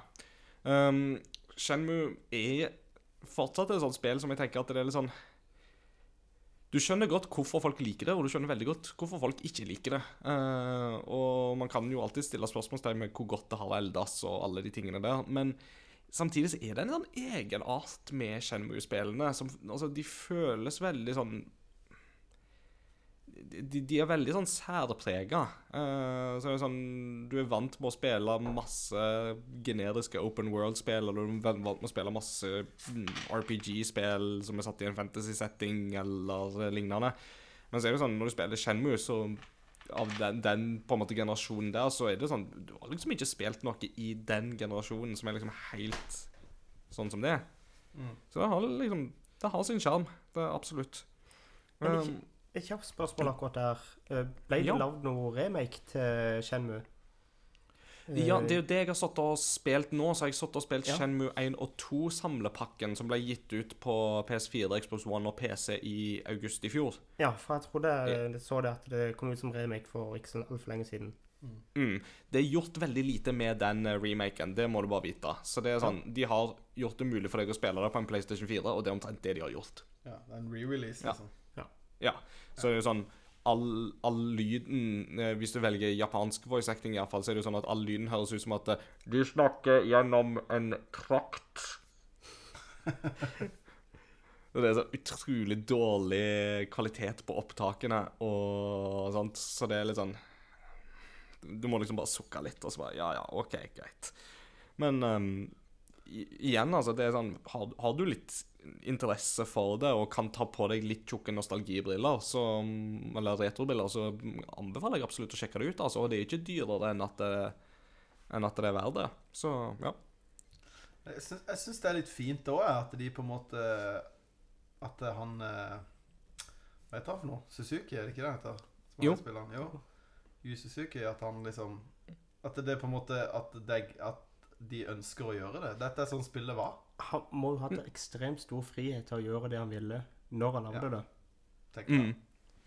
Ja, det tenker jeg òg. Men det skal sies, Mats Jakob, da, at eh, Suzuki sjøl har sagt at uh, han var ikke involvert i den uh, HD-remake, eller den uh, gjenutgivelsen. Eh, og at han sjøl ikke er fornøyd med den. Ok. Men jeg syns så- allikevel det er litt deilig at de kan re-release det sånn som det var også. At alt må Ja. ikke pusses opp. Nei da. Og det føles absolutt veldig som en sånn um, Det føles veldig autentisk. Det gjør jo det. Ehm, så Men det gjør det jo kanskje litt vanskelig for enkelte å svelge. Men samtidig så er det vel verdt å sjekke det ut, bare av liksom ren spillhistorisk grunn og sånt, liksom. Så ja. Ja.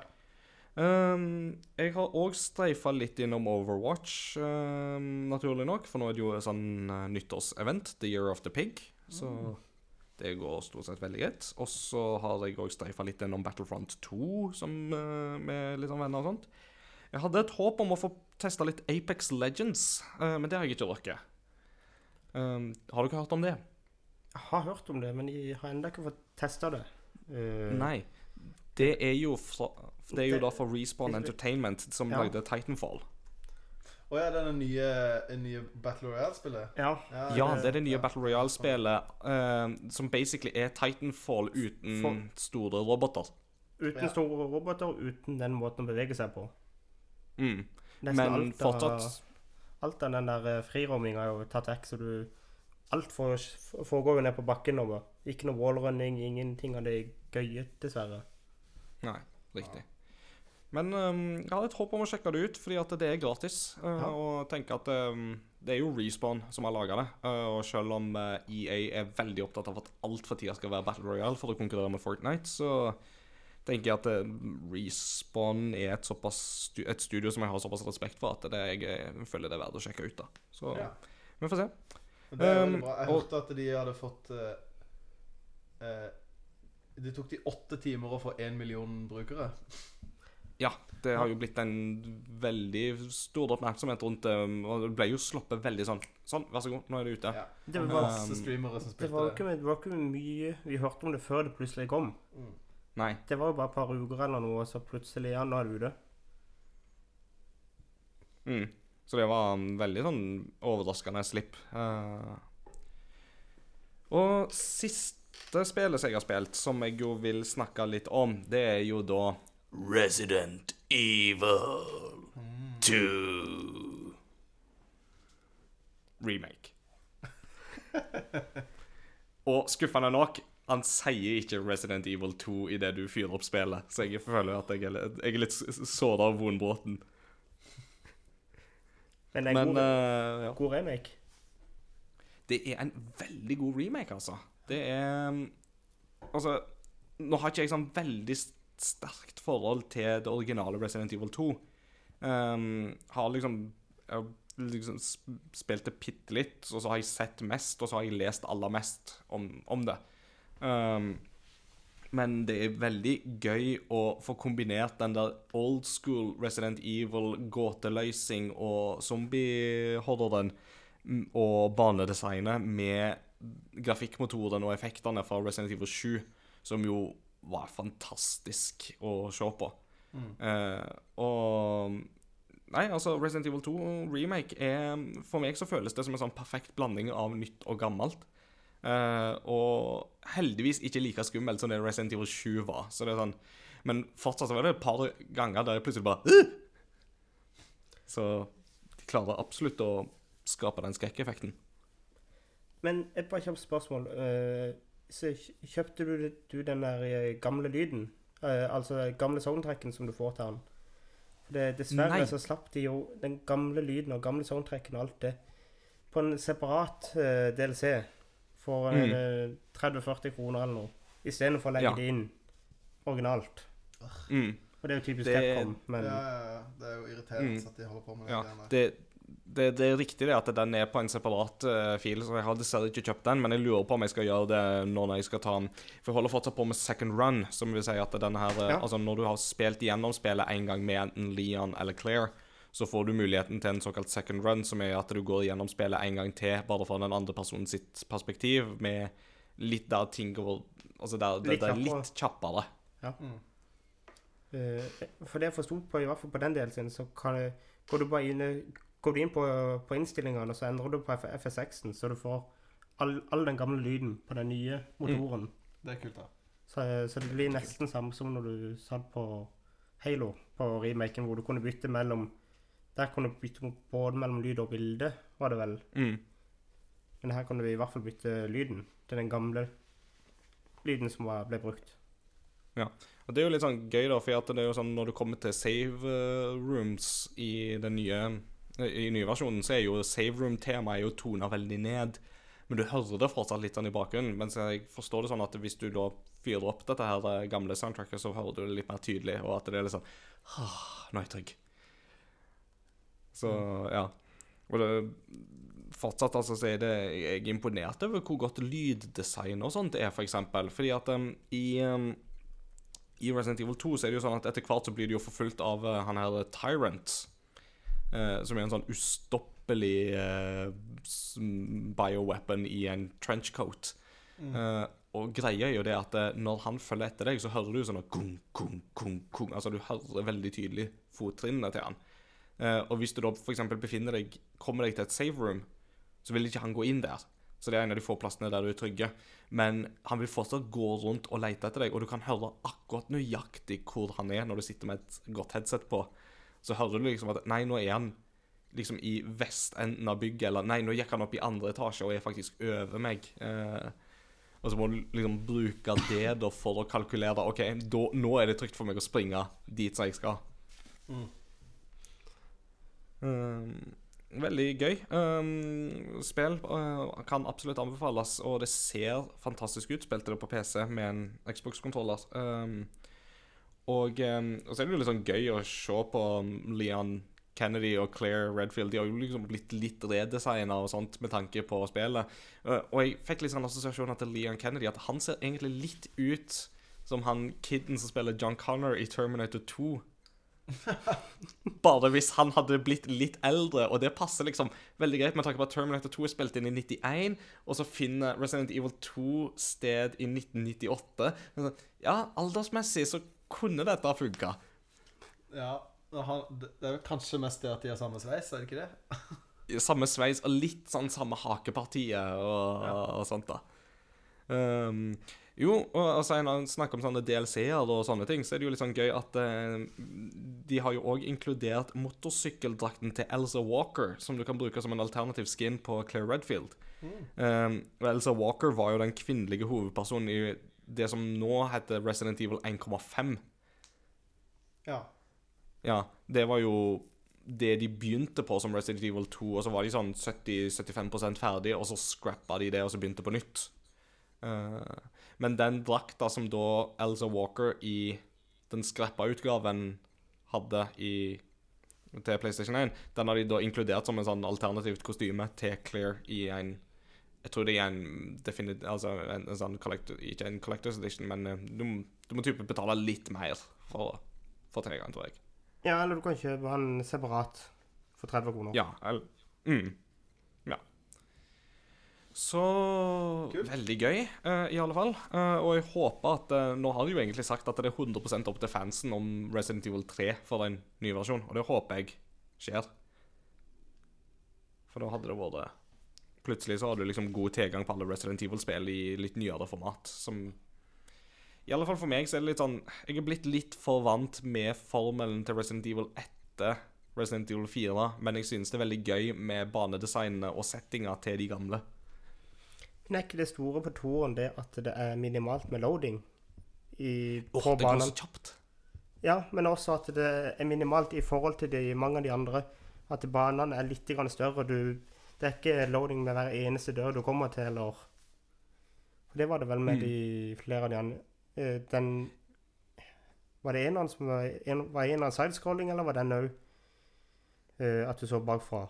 Du husker ikke Nei, altså, var en, fixed to- camera hele veien. Ja. Ja, altså 1, 2 og 3 var fixed camera og Code Veronica. Og, og så kom jo Resident Evil 4 og introduserte hele dette third person over the shoulder-perspektivet og revolusjonerte det, Ja. den biten. Um, men eh, jo, altså det stemmer jo det at eh, lastetidene og sånt det er jo helt uh, uovertrufne i dette spillet. Og det er jo sånn Dører og alt går jo som en Går jo som en drøm.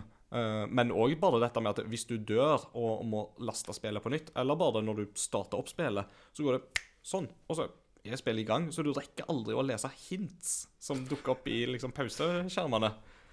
Er Sånn Remember to do Å ja, nå, nå var jeg i gang. Det er motsatt av Breath of the Wild, hvor du bare sitter og sirkulerer gjennom de der eh, hintsene, for det loader så ustyrtelig seint. Se på Yes. setsen på toppen for 15. gang. ja, jeg vet hvor mange Corox seats jeg har. Det er for øvrig ett spill han spiller i High Score Girl på enten en Sega Saturn eller en PlayStation 1, så bare sånn Yes, da skal jeg spille dette og bli skikkelig god i dette spillet. Og så starter han det opp, og så er lastetida sånn sinnssykt lang, så det går liksom ett minutt av episoden der han bare sitter og ser på en lasteskjerm. Og så roper han Oh, sorry! It's so slow! Ja, det, ja. Da skulle han spilt Neo Geo CD, for der er det et spill som har Det, det er et fighting-spill. Ja, jeg det tror tar- det er det. det Jeg tror det var Neo Geo. liksom- Beklager. Et sted mellom ett og to minutter. Og etter du har valgt characters, før du på en måte Ja. begynner fighten. Hav. Kan du tenke deg noe så grusomt? Yeah, Det er ak- Nå spiller vi oss Akkurat det spillet. Jeg går og pisser Det er akkurat det før kampen spillet. begynner. Og så når du endelig kommer inn Nei, det var ikke han jeg skulle velge. Ja, ja, vi må gå tilbake. Å, grusomt. Jeg tror med det så har vi vel egentlig vært igjennom alt vi har spilt uh, i det siste. I alle fall i forhold til hva jeg har notert for min del. Så da skal vi ta en liten pause, og så er vi tilbake med del to etter vår lille pause. Lille pause.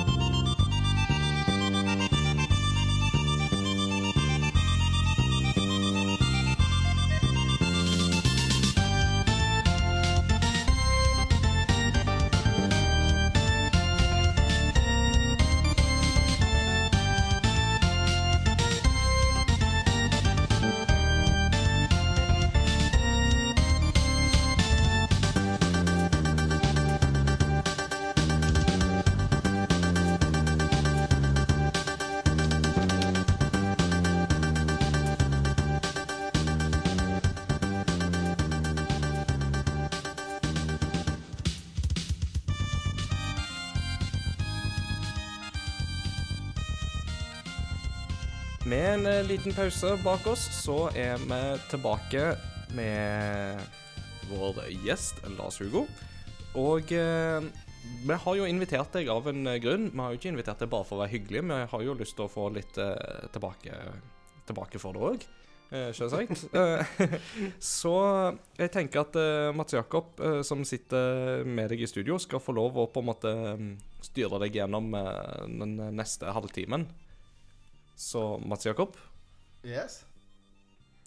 Uh, det uh, altså, Hva skal jeg si? Hovedgrunnen til at du inviterte deg, Lars, var jo fordi at uh, du driver med en mye gaming som ingen av oss tre vanlige verter driver på med. Ja. Som vi allerede har snakka litt om. Og så driver jo du med betatesting. Ja. Og det gjør verken meg og Ingar eller Christian.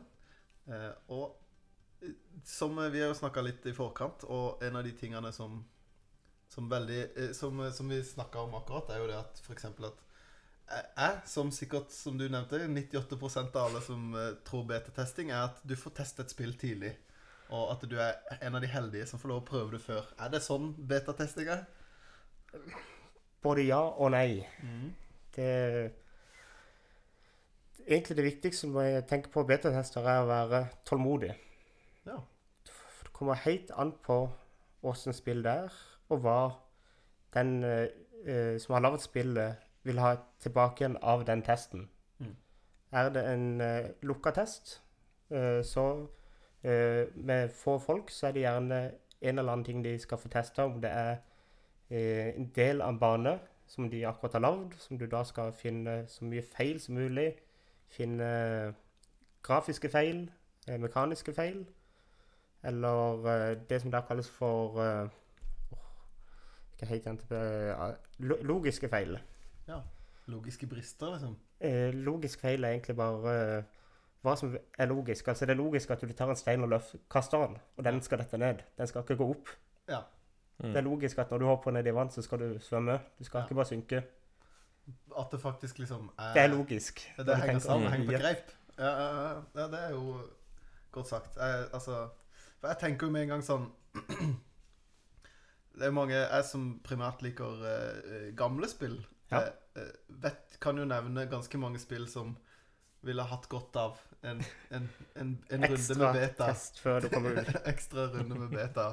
Uh, og det fins jo mange sånn infamous-spill. For eksempel et, et nye råd, det der hva Assassin's Creed-spillet hvor du plutselig folk liksom ansiktsanimasjon uh, bare for Ja, ikke sant? Hvor det var bare Eller, eller eh, Mass Effect Andromeda. Ja, Ja, for eksempel. la oss ikke begynne på Mass Effect Andromeda, vær så snill. Hadde de bare starta spillet en gang før de hadde levert ut, så hadde det gått så mye bedre. I'm, I'm sorry, my face is tired. Let's move on. Det var jeg ikke med på. Nei. Så Det er ikke ikke det det ikke det skal ikke du ha ansvaret der. Det, det var ikke med på, for å si det mildt. Jeg tipper det var bare Lars Hugo orka egentlig. Så han, han sendte bare sånn Seems legit. Og bare sendte det videre. That's where Moving on. Stamp of approval, stamp of approval, stamp of approval. Nei, men eh, Du sier at du må være tålmodig, og at uh, det krever liksom Det krever noe av det. Det er en jobb. Det er en, rett og slett en jobb. Det, det kan være såpass kjedelig at du går sammen, gjennom samme banen 50 ganger i løpet av en helg. Mhm.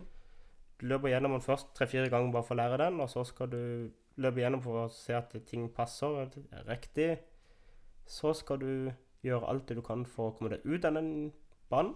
Mm. Prøve å ødelegge den. For, Ja. Gjøre ting som ikke Glit, glitch ut, liksom. glitch ut. Gjøre ting du ikke Mm. egentlig er planlagt. For eksempel Halo, som tipper vel dere begge to har spilt. Mm. Det er jo noe av det gøyeste er jo å ta en bil, Warthog, og få den med seg så langt som mulig i spillet med å få pressa den inn gjennom dører og Som jeg tipper dere begge har vært med på å gjøre før. Ta en tanks så Mm. dytt den inn gjennom veggen. Så du kan kjøre videre og gjøre banen mye lettere. Ja. Men eh, det er litt sånn at uh, Nå stiller jeg bare mye ting jeg lurer på. Er bare så må du bare Ja. eh, si litt ting som du føler du må få med. Men typ sånn uh, uh, Jeg vet liksom ikke hvor grensene går da for hva som er akseptabelt og ikke. For jeg tenker sånn typ sånn Ocarina of Time, da. Når du fikk liksom de tidlige spillene hvor du kunne flytte kamera 3D. Hvor kameraet i praksis var litt sånn som de illustrerte i Mario 64. At kameraet er en fyr med et kamera bak yep. deg. Mm. Eh, og du kan stå inntil en vegg, og så kan du snu kameraet, og så er du plutselig bak den veggen, men kameraet ser igjennom, og Ja. du ser liksom bare blått. Ja, er, det, er det sånn som på en måte hadde vært helt uakseptabelt i dag, eller er det mer bare sånn en nødvendig onde av spillet, eller? Det var vel mer en nødvendig onde eh, fra gamle dager. Eh, for det blir vel deler av det blir vel kanskje brukt i dag til å bruke mindre minne med at det, ting som ikke du ser, ikke blir tegnet opp ja. og renda. Altså det, og det vil du også se ofte på slutten av spillkonsoller mm. sin tid. Senere på spillkonsollene sin tid, jo større blir våpnene i hendene. Ja. For jo mindre trenger de å rende bak våpnene. Ja. Ja, for de lærer det på en måte Ja, liksom hvis du går med en svær rifle i hånda, så ser du som dekker 20% av skjermen. Ja. så får du med 20% mindre som den, den hardwaren trenger å kjøre. Ikke sant? Men er det eh, OK, da tenker jeg med en gang liksom BFG. Ja, er ikke det Doom eller eh, Nei. eh, Eh, Det er Doom, Doom, jo. Ja, det er. Doom, ja. Det er Doom. Og det er vel også i Duke òg, men det er jo litt samme pakka, er det ikke det? Men ja, nei, det var bare en liten side note. Ja, Mm. men altså som eh, en vanlig beta-tester som gjør, er å så, Som sagt kommer litt an på hva det er for noe, men altså det er eh, UI, altså grensesnitt, hvis det er et tidlig stadie. Sjekk eh, grensesnitt. Du kan gjerne gå igjennom hvis du er på et produkt som det er over et par uker, så kan du gjerne grensesnittet endre seg markant fra gang til gang Mm. for å finne ut av hva som passer. Kartet kan flytte seg fra plass til plass. Det kan bli at det er helt eh, fast, at ikke du kan se gjennom det, til at det kan bli eh, opaque. til hva som helst. Eh, og så er det grafisk testing. Og det er da å sjekke at ikke det forekommer større grafi grafiske feiler. Mm. Bygninger som er La oss si du har en bygning som er lagd opp av murstein, og da har du Hva kan du kalle det? Altså den Det som den veggen er lagd av, er jo da gjerne lagd av to bilder, eller flere bilder som er bare stipla sammen. Mm. Hvis du har Hvis du da ser på den veggen at den er egentlig da lagd av flere bilder, men er ikke av samme type, Mm. så du har liksom murstein 1, og så på sida så skulle du ha hatt murstein 1 der òg, for limt sammen så det skal bli likt. Mm. Så har du mursteins 2. Trenger, kan være nesten helt like, men de, du ser det med en gang du ikke tenker over det. Ja. Og egentlig bare gå nøye gjennom for å finne feil, at det er eh, ting som ikke stemmer overens, at det er forskjøvet, stretcha og alt sånn. Og så har du det mekaniske spillet, som da er å teste ut det som det blir Som spillet er basert på. Skyting i skytespill. Eh, ting funker som det skal funke, egentlig. Så det er liksom at du Er det RTG eller realtime strategi, så skal du Folkene skal flytte seg når du sier at de skal flytte seg, de skal flytte seg riktig og sånn. Mm. Og så er det da logisk, som da er eh, egentlig at det er logisk, det som du ser i spillet. Mm. Som jeg nevnte før, altså før vi gikk inn på den podkasten, at eh, du plukker opp en stein, og steinen skal dette når du kaster den. Den skal ikke flytte opp. Mm. Du hopper du i sjøen, så skal du synke eller svømme, og ikke, ikke løpe videre på den. Så, Mm. det Mm. så når du ser en ting i verden, så, og du tenker logisk at det, ah, det er en busk, den kan jeg løpe rett gjennom, eller den kan jeg kjøre gjennom, da skal ikke den helst være hard som betong.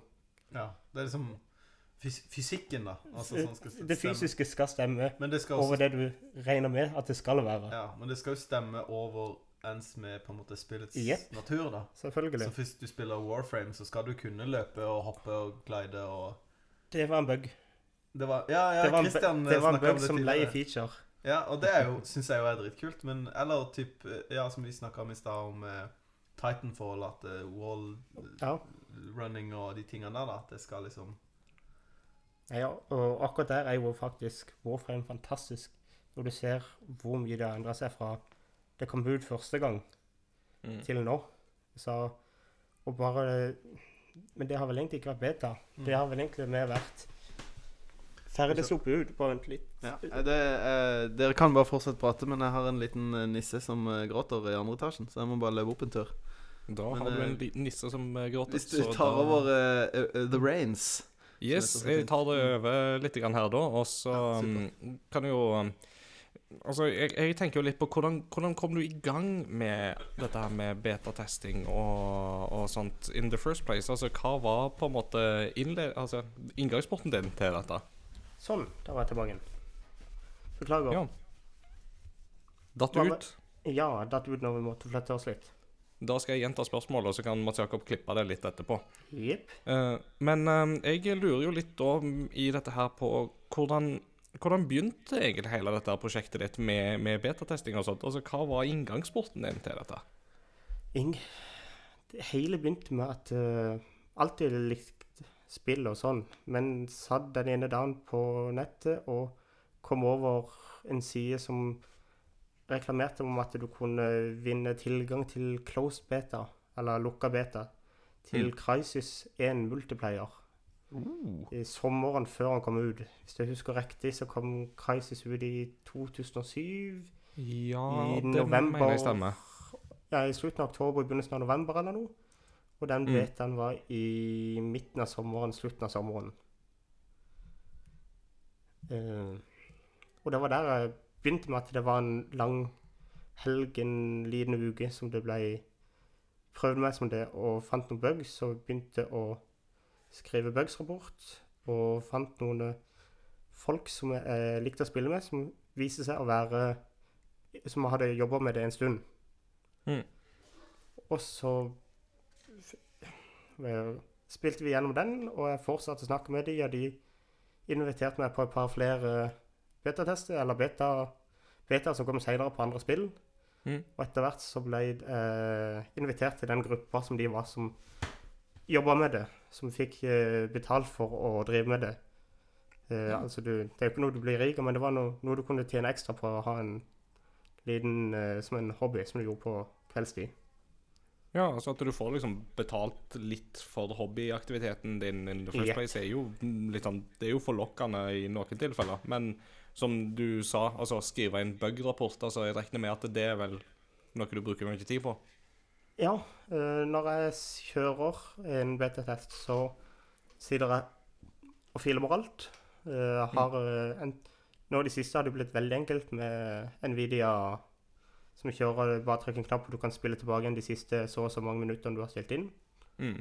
Så da, nå slipper du det. Men før så hadde jeg en, hadde en ekstern harddisk som alt ble lagra til eh, for to og to timer om gangen. Og så ble det stoppa. Jeg gikk gjennom og sletta det som ikke måtte slettes, og begynte på nytt. Mm. Og hver gang jeg fant en bug, så tok jeg bilde av det og noterte meg det. Og så fortsatte jeg til hvis det var en online match, så fortsatte jeg til matchen var ferdig, før jeg gikk gjennom og så skrev ned, ned det som skulle skrives ned. Og for å finne måtte du også alltid gå inn for å finne ut om den bugen var rapportert fra før av. For det hjelper ikke Ja. de hvis du sender inn samme bug 1500 ganger. Nei, nei, det er klart det. Så det første du gjør, eh, er å gå inn på forum, eh, forumet til de som har eh, betaen, og sjekker om den har kommet inn før. Og i de siste så har de også begynt å lage eh, bug-database. Gjerne da i, til det og det spillet, så du kan gå inn og søke opp nøyaktig på hva som har skjedd, bare med stikkord hva som har skjedd, og du får opp en database eh, for å finne ut om det er noe som er i nærheten av det som du har gjort. Ja. Så du får, gjøre- det litt enklere for de. Mm.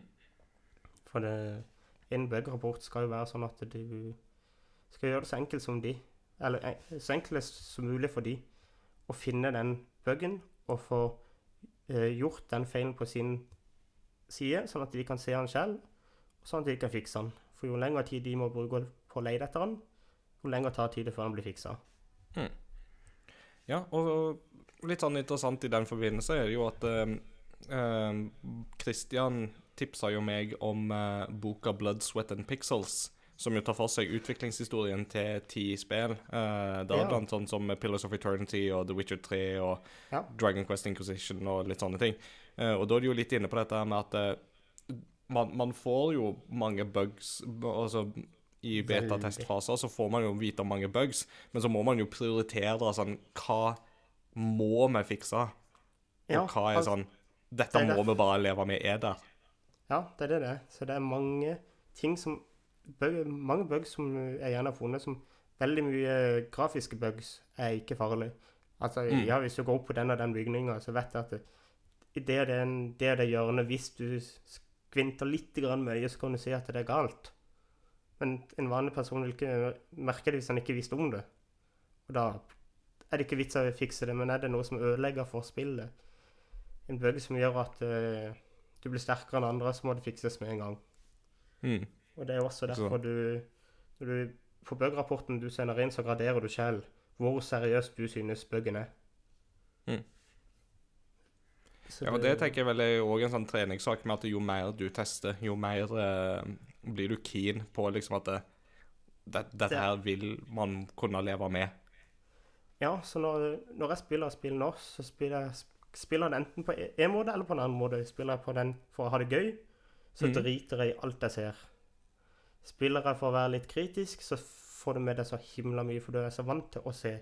Du er så vant til at det, som regel hvis du går inn i de og de hjørnene på en bygning, så er du vant til at du kan greie å glitche gjennom. Du er vant til at du kan greie å hoppe opp på en bygningstak, for så kommer det ut av kartet. Mm.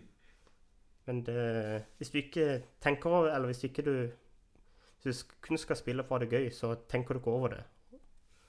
Nei, og jeg tenker jo det at det er sånn, da må du på en måte legge litt det fra deg, for hvis ikke så klarer du jo ikke å Hvis ikke, så klarer gøy du ikke å ha det gøy. Det er akkurat mm. det Ja. For det er jo sånn Litt sånn tilsvarende for min del òg, når jeg jobber med spillanmeldelser og sånt, så er jo det òg sånn at av og til så må jeg bare sette meg ned med et spill, og så er det bare sånn at hadde jeg anmeldt dette, så hadde det vært så mange ting jeg kunne tatt uh, tak i, men hei, jeg har det gøy. Ja. Det er sånn Noe så må man det. og- ja, det er akkurat det. Og det, og spesielt hvis du uh, ofte på når du driver med beta, får en betatest, så får du gjerne OK, dette skal vi teste i løpet av to dager, og så blir det de to dagene så blir det aktiv kun det du holder på med. Så du sitter gjerne kun bare på det samme området, på Mm. den samme banen, og gjør det samme i to dager. Så det er liksom Ja, du sitter på et spill som kanskje ikke så mange har hørt at det kommer ut om et halvt år til, eller ikke, ikke vet så mye om, men det er ikke så mye av det du ser. For du, Mm. gjør Du går så systematisk til verk etter det du skal gjøre for å hjelpe de som lager det, så jeg, gjør det så enkelt som mulig for de. Ja, og jeg tenker det er jo det det, er jo det, det skal handle om òg. Det, det er jo It's, det not, det it's not about you, it's about them, right? Det er akkurat det det er. Um, jeg tenker jo òg litt på dette her med Altså, Du nevnte jo Crisis som et eksempel. ikke sant? At Ja. Det var jo på en av dine tidligste inngangsporter til hele dette her. Yep. det, det er jo veldig mye som har skjedd siden Crisis. altså Én ting er jo med grafisk og utviklingsmessig og sånne ting, men jeg tenker jo bare på en måte hele miljøet rundt dette med demotesting og betatesting eh, og sånt, regner jo med òg har jo endra seg litt. altså Det er jo blitt mer og mer vanlig med åpne betaer, f.eks. Uh, hva merker du liksom noe rundt, rundt de forskjellene fra den gang da og nå, liksom? Ja. Uh, på den tida så var det Du kom deg inn på en lukka beta. Du hadde åpne beta da òg, og det er mer sånn som det er nå. Men kom du deg inn på en lukka beta, så var flesteparten av de som var der inne, de var der for å, å hjelpe til. Altså Mm. du, jo, du på, Under de betaene til Crisis kunne du gjerne få et helt lag som du fant ut at ja, vi har 60 minutter på å fullføre denne banen. Ingen går og kverker hverandre. Vi går kun og fokuserer på å finne feilene på den og den plassen. Mm. Eh, men sånn som nå, eh, som du da har åpen beta, eller betalt beta, som er jo enda bedre. Sånn uh, Anthem, for eksempel. Yes, betal for å bli med i beta. Og da er det jo, som sagt, 98% som kommer inn, som tenker på at det, ah, vi kan spille spillet fire uker før det er ute. Og så spiller de gjennom spillet, og så klager de på bugs. Og så klager de på at spillet ikke er ferdig, og at ikke det funker riktig. Ja, de må vente lenge på loading, det kommer seg ikke inn, de Men det er jo tross alt det de er, for det Mm. når de gjerne kjører sånn eh, åpne beta på slutten, spesielt på sånn som NTM og sånn, så er det jo for å få inn så mange personer som mulig for å teste ut serverstrukturen og for å se at de kan håndtere så mange personer som mulig. For ellers, når du kjører tidligere på lukka beta, så er det mer lukka systemer. Altså det ja, de vet at de, de får maks så og så mange folk inn, så da kan de bygge opp serverne til at de, de tåler det fint, så du får maksimalt ut av det. Mm. Men når det plutselig da kommer inn 200 000 flere i løpet av et par timer, så pleier det som regel å ikke gå helt greit når du begynner med matchmaking, og Ikke helt smooth. er ikke helt smooth, altså. Apropos, jeg må, apropos matchmaking, jeg husker bare Det var så mye memes som Var det The Division, hvor du måtte bort på en sånn skrivemaskin for å logge deg inn? Hvor, folk Det ble, ble liksom sånn eh, Folk danna et sånt uhyre britisk køsystem. Folk bare sto og venta. For du måtte inn i et rom, og i det rommet måtte, var det én ting du liksom skulle bort og trykke på. Jeg tror jo de fiksa litt opp i det, men det var jo litt sånn Ja, altså som eh, For å si det sånn det, eh, Når du driver og tester, så Det skjer mye rart med PC-en PC din, for å si det mildt. Det blir mye blue screen of death. Begynner å gå varm og drept i hvert fall ett grafikkort. For det spillet ikke er optimalisert, så, opt- optimalisert ennå, sånn at ting bruker for mye ressurser. Det blir sittende mye i loading. mm. Det, når du får et spill i handa, så du går gjennom døra, og det loader i løpet av de 20 sekundene. Før det, før alt er optimalisert og alt er gjemt sånn som det skal være, så bruker du kanskje et minutt Mm. på den samme tingen. Ja, prøvde å huske. Vi snakka om optimalisering og eh, de Eh, tingene der. optimalisering av hvor optimalisert eh, spillet er fra vi side på det til dere får det. Ja. Som at det, loading skjer kjappere. Eh, minne spesielt. At de blir flinkere til å bli kvitt minne. Mm. Når du starter opp et spill, og du spiller, sier du skal bruke 6 GB av rammen ditt, så skal du bruke 6 GB. Når vi får det, så kan du gjerne begynne på 6, og så kan du slutte på 16. Ja.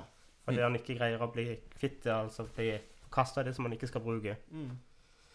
Men ak akkurat optimaliseringa er det minimalt lite vi gjør. Uh, Det er sånn de tar seg av underveis. De Ja. følger med på betaen. på ja, en altså vi, vi nevner Når jeg kjører, så kjører jeg alltid med visse systemer oppe som viser meg hvor mye jeg bruker. Mm. Eh, temperatur. Eh, eller hvor, hvor mye prosessor og alt sånt kjører til enhver tid. Ja. Som jeg da sendt til de som eh, et vedlegg med Hvis jeg da kunne finne en plass som de begynte å legge mye, så er det en grunn til det. Som eksempel på Witcher, som vi snakker om.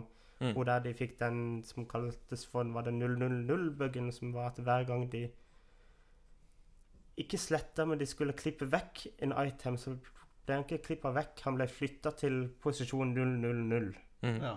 Så når de da begynte å legge, og de flytta seg hen der, så fant de alt der. Der fant de halve byer, par tusen mennesker.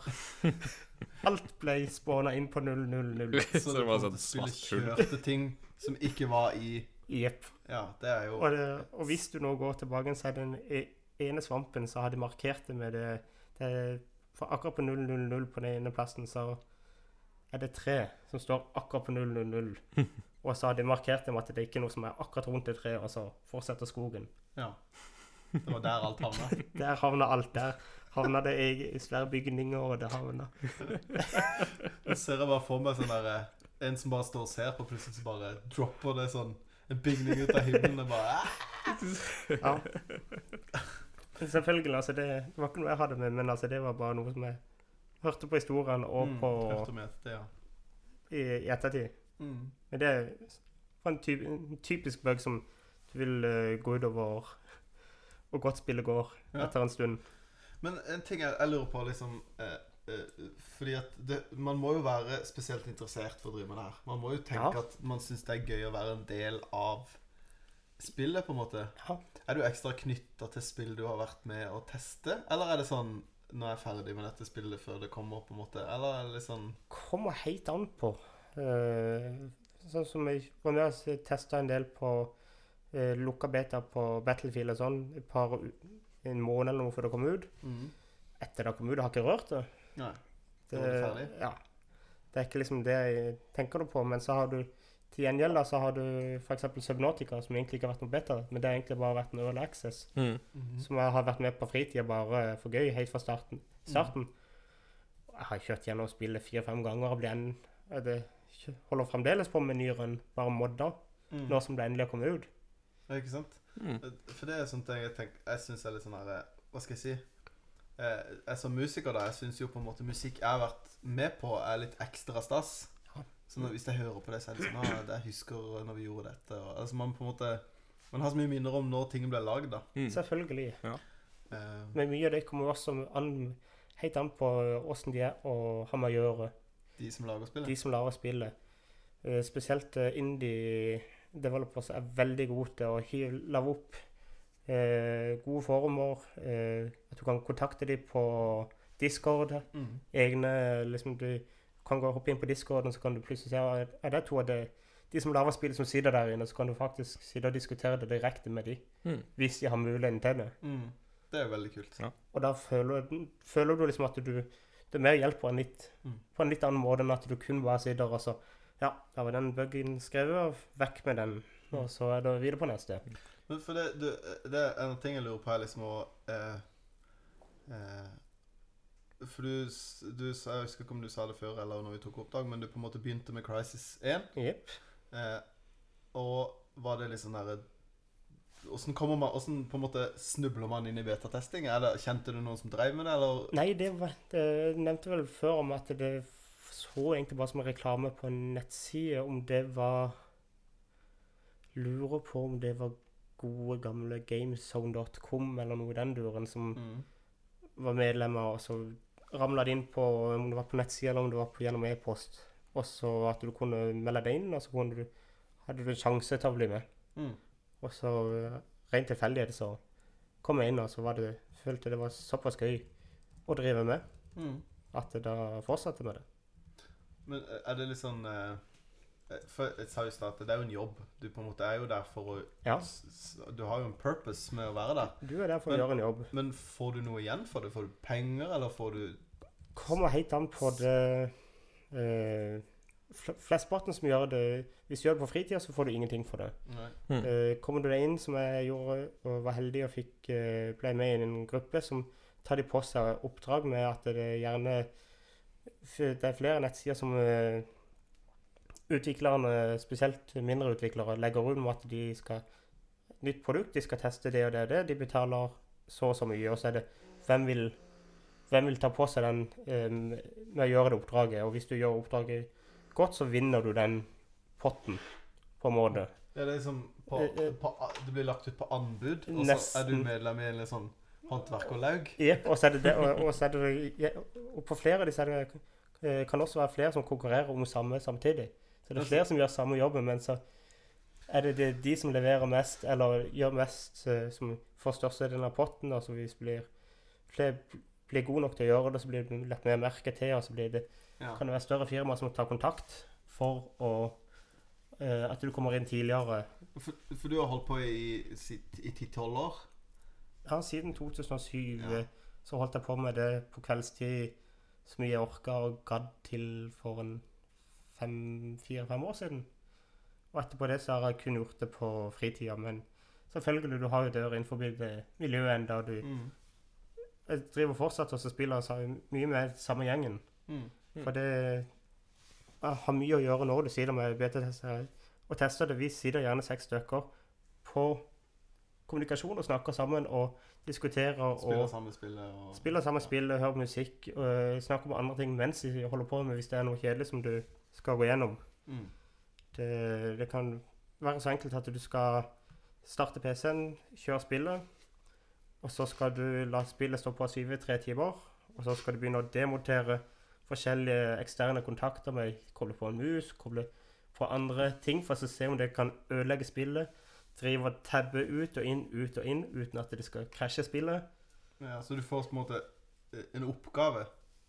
Vel, veldig ofte så får du en konkret oppgave hvis det er, hvis det er et lukka, eh, og det er bare for et visst antall personer, så er det gjerne en oppgave de skal en, Det er en ny, ny feature de har lyst å se om det passer inn eller Mhm. ikke. Eh, en eh, nytt map, eller kart, eller en del av en kart. Mhm. La oss si de skal ha en, de har funnet en ny bygning de skal sette ned på kartet. Så plotter de den ned, så blir det å finne alt av feil og ting som du kan gjøre med den bygninga som du egentlig ikke skal kunne gjøre. Mm. Og mye av det gjør de jo også selvfølgelig internt, men hvis de da trenger flere eh, øyer på det, eller at det blir for stort, så kan de se, sender de det ut på anbud. Ja. Mm. Og det er det jo også da flere eh, sider på Reddit som også er alle personer kan gå inn på, som du og alle andre som har lyst på, kan gå inn og melde sin interesse, som de da legger ut av en demofil av en spiller, så er det vennligst prøv å finne det og det og det og det, og så hjelp meg med det. Mm. Mm. Men er det sånn du, du, du, Det virker jo som at du Det krever jo at du på en måte har utstyr til det også, på en måte. At det er ikke bare liksom Iallfall når du på en måte ikke bare er liksom betaen en måned før spillet kommer. Selvfølgelig, men altså d- eh, Akkurat på Du trenger ikke ha en sterk PC, for du vil gjerne også ha, vil gjerne også ha forskjellige maskinvarer. Ja. Så det er ikke akkurat nå kjører en skikkelig Frankenmonster. At PC det er jo kjører med en prosessor som er ti år gammel. Bare for å For det ikke har godd å bytte hovedkortet ennå. Mm. Og så kjører jeg en 1080 på grafikkort. så det er liksom Jeg må bytte det nå, for nå begynner det å henge igjen på prosessoren. Men når jeg kjøpte prosessoren, så var det det grommeste jeg kunne ha. Ja. Men liksom Jeg kan spille liksom alt det meste kan jeg på maks opp til mm. vanlig 1080, men jeg kan ikke gå på 4K på det aller nyeste som kommer. Mm. eh, Vi har Mm. ja, ja, sorry, det, jeg vil bare mm, Jeg må dessverre skyte litt inn og liksom tenke litt på tida og sånt. Uh, så jeg bare lurte liksom på sånn uh, hvis, jeg, hvis det er på en måte en spesiell demo som du vil trekke fram eh, som du liksom husker at det var Eller eh, ikke en demo, men altså en spesiell sånn betatest som du på en måte husker som sånn ekstra god, eller som du enten hadde gode opplevelser med, eller at det var liksom noe spesielt ved den betatestinga. Uh, har du noe du vil trekke fram i den forbindelse? Betatest med å tenke Altså, jeg har noe som, jeg- som jeg syns har vært kjempegøy å jobbe med, og som har vært mye positivt med. Også, men som jeg da har vært i seinere tid, når jeg ikke har jobba med det aktivt. Men der kan jeg eh, bla fram Space Engineers, som har kjørt en dedikert eh, dev-bild til enhver tid. Mm. Som alle kan gå inn og prøve på. Som har vært eh, veldig enkle å ha med å gjøre. Du kan gå inn på discorden og snakke med dem. Hvis det er en, eh, noe du lurer på, som regel så er det alltid et, et eller et par som er der inne, og de har gode moderatorer. Nice. Og de har mye gøye bugs. Det er mye som skjer som egentlig ikke skal skje. Det er gøy, da. Så det, Eh, og spesielt da når de kjører en dev-bil, så er det stor advarsel om at det, ting går galt. Og det, det er en grunn for det, at de kjører den dev-bilden. Det ikke sant? Mm. Men der kan du jo da teste ting som kommer ut, gjerne på det offisielt om ja, to-tre måneder på en mer større patch. Mm. Men uh, annet enn det så er det vel egentlig Subnautica som fulgte med fra begynnelsen av. Mm. Og Warframe, men Warframe er jo egentlig ikke en beta-en, det er bare Et spill som er i s- stor som, utvikling. ja, som egentlig har Du kan vel nesten kalle det for early access, men det er jo har bare vært fra ble sluppet ut i en himla dårlig forfatning, og så har de fått totalt endra det. Mm. Minst tre ganger etter det. Ja. Så det, det er i hvert fall det som jeg syns har vært gøy å jobbe med. Mens ellers så har du jo Kjedelig å jobbe med er jo egentlig bare mer standard, som Battlefield, eller liksom mer eh, generelle spill. OK, du skal inn, du skal bare løpe gjennom banen, prøve, prøve å leide etter små feil. Mm. Liksom eh, prøve å få det til å krasje. Det er liksom litt kjedelig lengde. Mm. For det får du gjøre bare den samme tingen om og om og om, om, om igjen. Ja, skjønner jeg kjempegodt. Nei, men uh, da har vi jo fått plukka Plucked your brain eh, ganske Ja. godt og heftig, syns jeg. Så jeg vet ikke om at Jakob hadde noen utfyllende spørsmål til slutt, eventuelt du ville skutt Ja, kjapt inn, eller? Ja, veldig kjapt. Bare sånn Hvis du skulle på en måte eh, Hva skal jeg si eh, Realitetsorientere publikummet vårt, som har kanskje tenkt at det hadde vært litt gøy. Eller på en måte, på en måte Er det sånn eh, Hvor det kan starte. Ja, eller hvor kan du starte, og hva må du på en måte Vi har snakka litt om det, men hva må Ja. du på en måte egentlig liksom være innstilt på å gjøre? På en måte At det er, at det er ikke sånn som de tingene man betalte beta og sånne ting. Det er på en måte ikke Jeg føler liksom betatesting og beta er på en måte ikke beta lenger. Skjønner du hva jeg mener? Nå er det jo ikke mye Jeg føler ikke den beta som er nå, liksom jeg betalt, betaler, så kommer det inn tre dager tidligere. Ja, er jo egentlig ja. ikke For det er jo ikke beta. Altså det er det er bare ja. Du får sett det litt tidligere. mm. Men eh, hvis du har lyst til å begynne med det, så er det egentlig bare være høflig og ha tålmodighet. Og ha mulighet til å skrive og snakke engelsk. Ha mulighet til å ta bilde eller film mens du jobber. Mm -hmm. uh, uh, vite åssen du skal sende en bug-rapport, som er meget viktig. Å få skrevet den nøye ut. Mhm. Enkel måte. Jeg kan egentlig bare ta en kjapt to minutter og gå gjennom hvordan du skriver det. Ja. Mhm. Og det er egentlig bare Da har du en Hvis ikke det er en, eh, hvis ikke det er en innebygd be- i det spillet som du sender til, av ofte nå så har de en innebygd eh, Hva kan du si formel du bare fyller ut. Mm. Eh, men altså, hvis ikke det, hvis du må sende alt selv, så er det en summary, som er bare en oversikt, kort fortalt hva som skjedde. Mm. Uh, og så skal du skrive hva som gikk galt, Uh, selve buggen. Og så skal du skrive, etter, under det så skriver du hva du forventa som skulle ha skjedd. Hvis mulig. Hvis det er en bug som du hadde forventa at du Altså, Hvis det kom i stad steinen. Ja. Du- Jeg kasta en stein, og så fløy den til værs. Ja. Ikke, ja, ja. Uh, Detaljert hva, uh, hva man må gjøre for å gjenskape buggen på nytt. Mm. Jo mer detaljert, jo bedre. Gjerne vise med et bilde eller et videoklipp hvor nøyaktig og, hvor, og, og hvordan du gjør det. Mm. Og gradere hvor eh, synsbøggene du syns buggen er. Eh, fra seriøst til lite seriøst. Mm. Eh, eventuelt eh, tilleggsinfo som eh, PC-spekk når, på, når på klokke Eller når det skjedde. Ja. ettersom de spør. Men altså bare kort fortalt du, Jeg kan kjapt lese opp en som jeg tok på Crisis 1. Det var vel den første bøken jeg sendte. Mm. Og det, der var den Oversett til norsk så er det 'ligge under vann' som, man, som om man ligger på land. Som da er summaryen. Og bøggen er eh, krypt ned til vannkanten og klarte å krype under vannflaten, men kunne fremdeles skyte som om han lå på land. Ja. Hmm. Eh, og det vil da si at de som du kunne skyte ut av vann, men de på land kunne ikke skyte ned til det. For når de skøyt, så stoppa kulene i vannet. Mm. Eh, forventet handling eh, når man kryper fra land til vann, skal man gå fra krypende, løpende til svømmende Mm. stadiet. Eh, hvordan få til eh, krysse vanngrensa mens man kryper og kikker ned kikkersiktet. Hvis du ikke kikker ned kikkersiktet, så svømte du. Men hvis du Ja. lå på maven og kikka ned kikkersikten når du kryssa grensa, så fortsatte du å krype under vann. ja. Godt eksempel. Mm. Hvor seriøs bøggen er, det er å være stor pga. at du er så å si udødelig når du ligger under vann. Ja. Du kunne skyte alle de som svømte, du kunne skyte alle de som var på land. De kunne ikke se deg. Gikk du 50 meter til lenger ned, så lå de mørke. Ja. Så det, Du kunne fortsette, du på en måte gikk gjennom kartet, liksom. du kunne gå inn ja, Eller du lå jo på bunnen av vannet, men Mm. altså du kunne bevege deg over hvor som helst, liksom. Ja. Uten at noen kunne gjøre noe med det. Mm. Men liksom det er bare en enkel og kort forklart bøk. Men som regel nå så er det innebygd i den plassen det, eller det forumet du leverer det til. Mm. Ja. Og så egentlig det viktigste før du leverer buggen, søk opp i forumet om buggen allerede er sendt inn. Ja. Så ikke de får 50 rapporter om den samme buggen. Det er akkurat som har skjedd til 50 forskjellige personer. Hvis du heller Hvis du ser at det er mange som har, Eller du finner den samme bøken, så kan du heller gå inn, klikke inn på den. Enten hvis det går an på flere av de nye, så kan du like de, eller liksom få pusha de opp sånn at det er lettere å se. ja. Eller skrive bare under at det samme har skjedd med meg. Men du syns på en måte det virker som at sist, bare de siste liksom, ti, ti årene så er det blitt bygd opp gode bedre. systemer rundt tilbakemeldinger og betatester? Ja, så bra. Mm. Det er Eh, kult. Men- det, vi kan jo sikkert ha snakka en time til, men uh...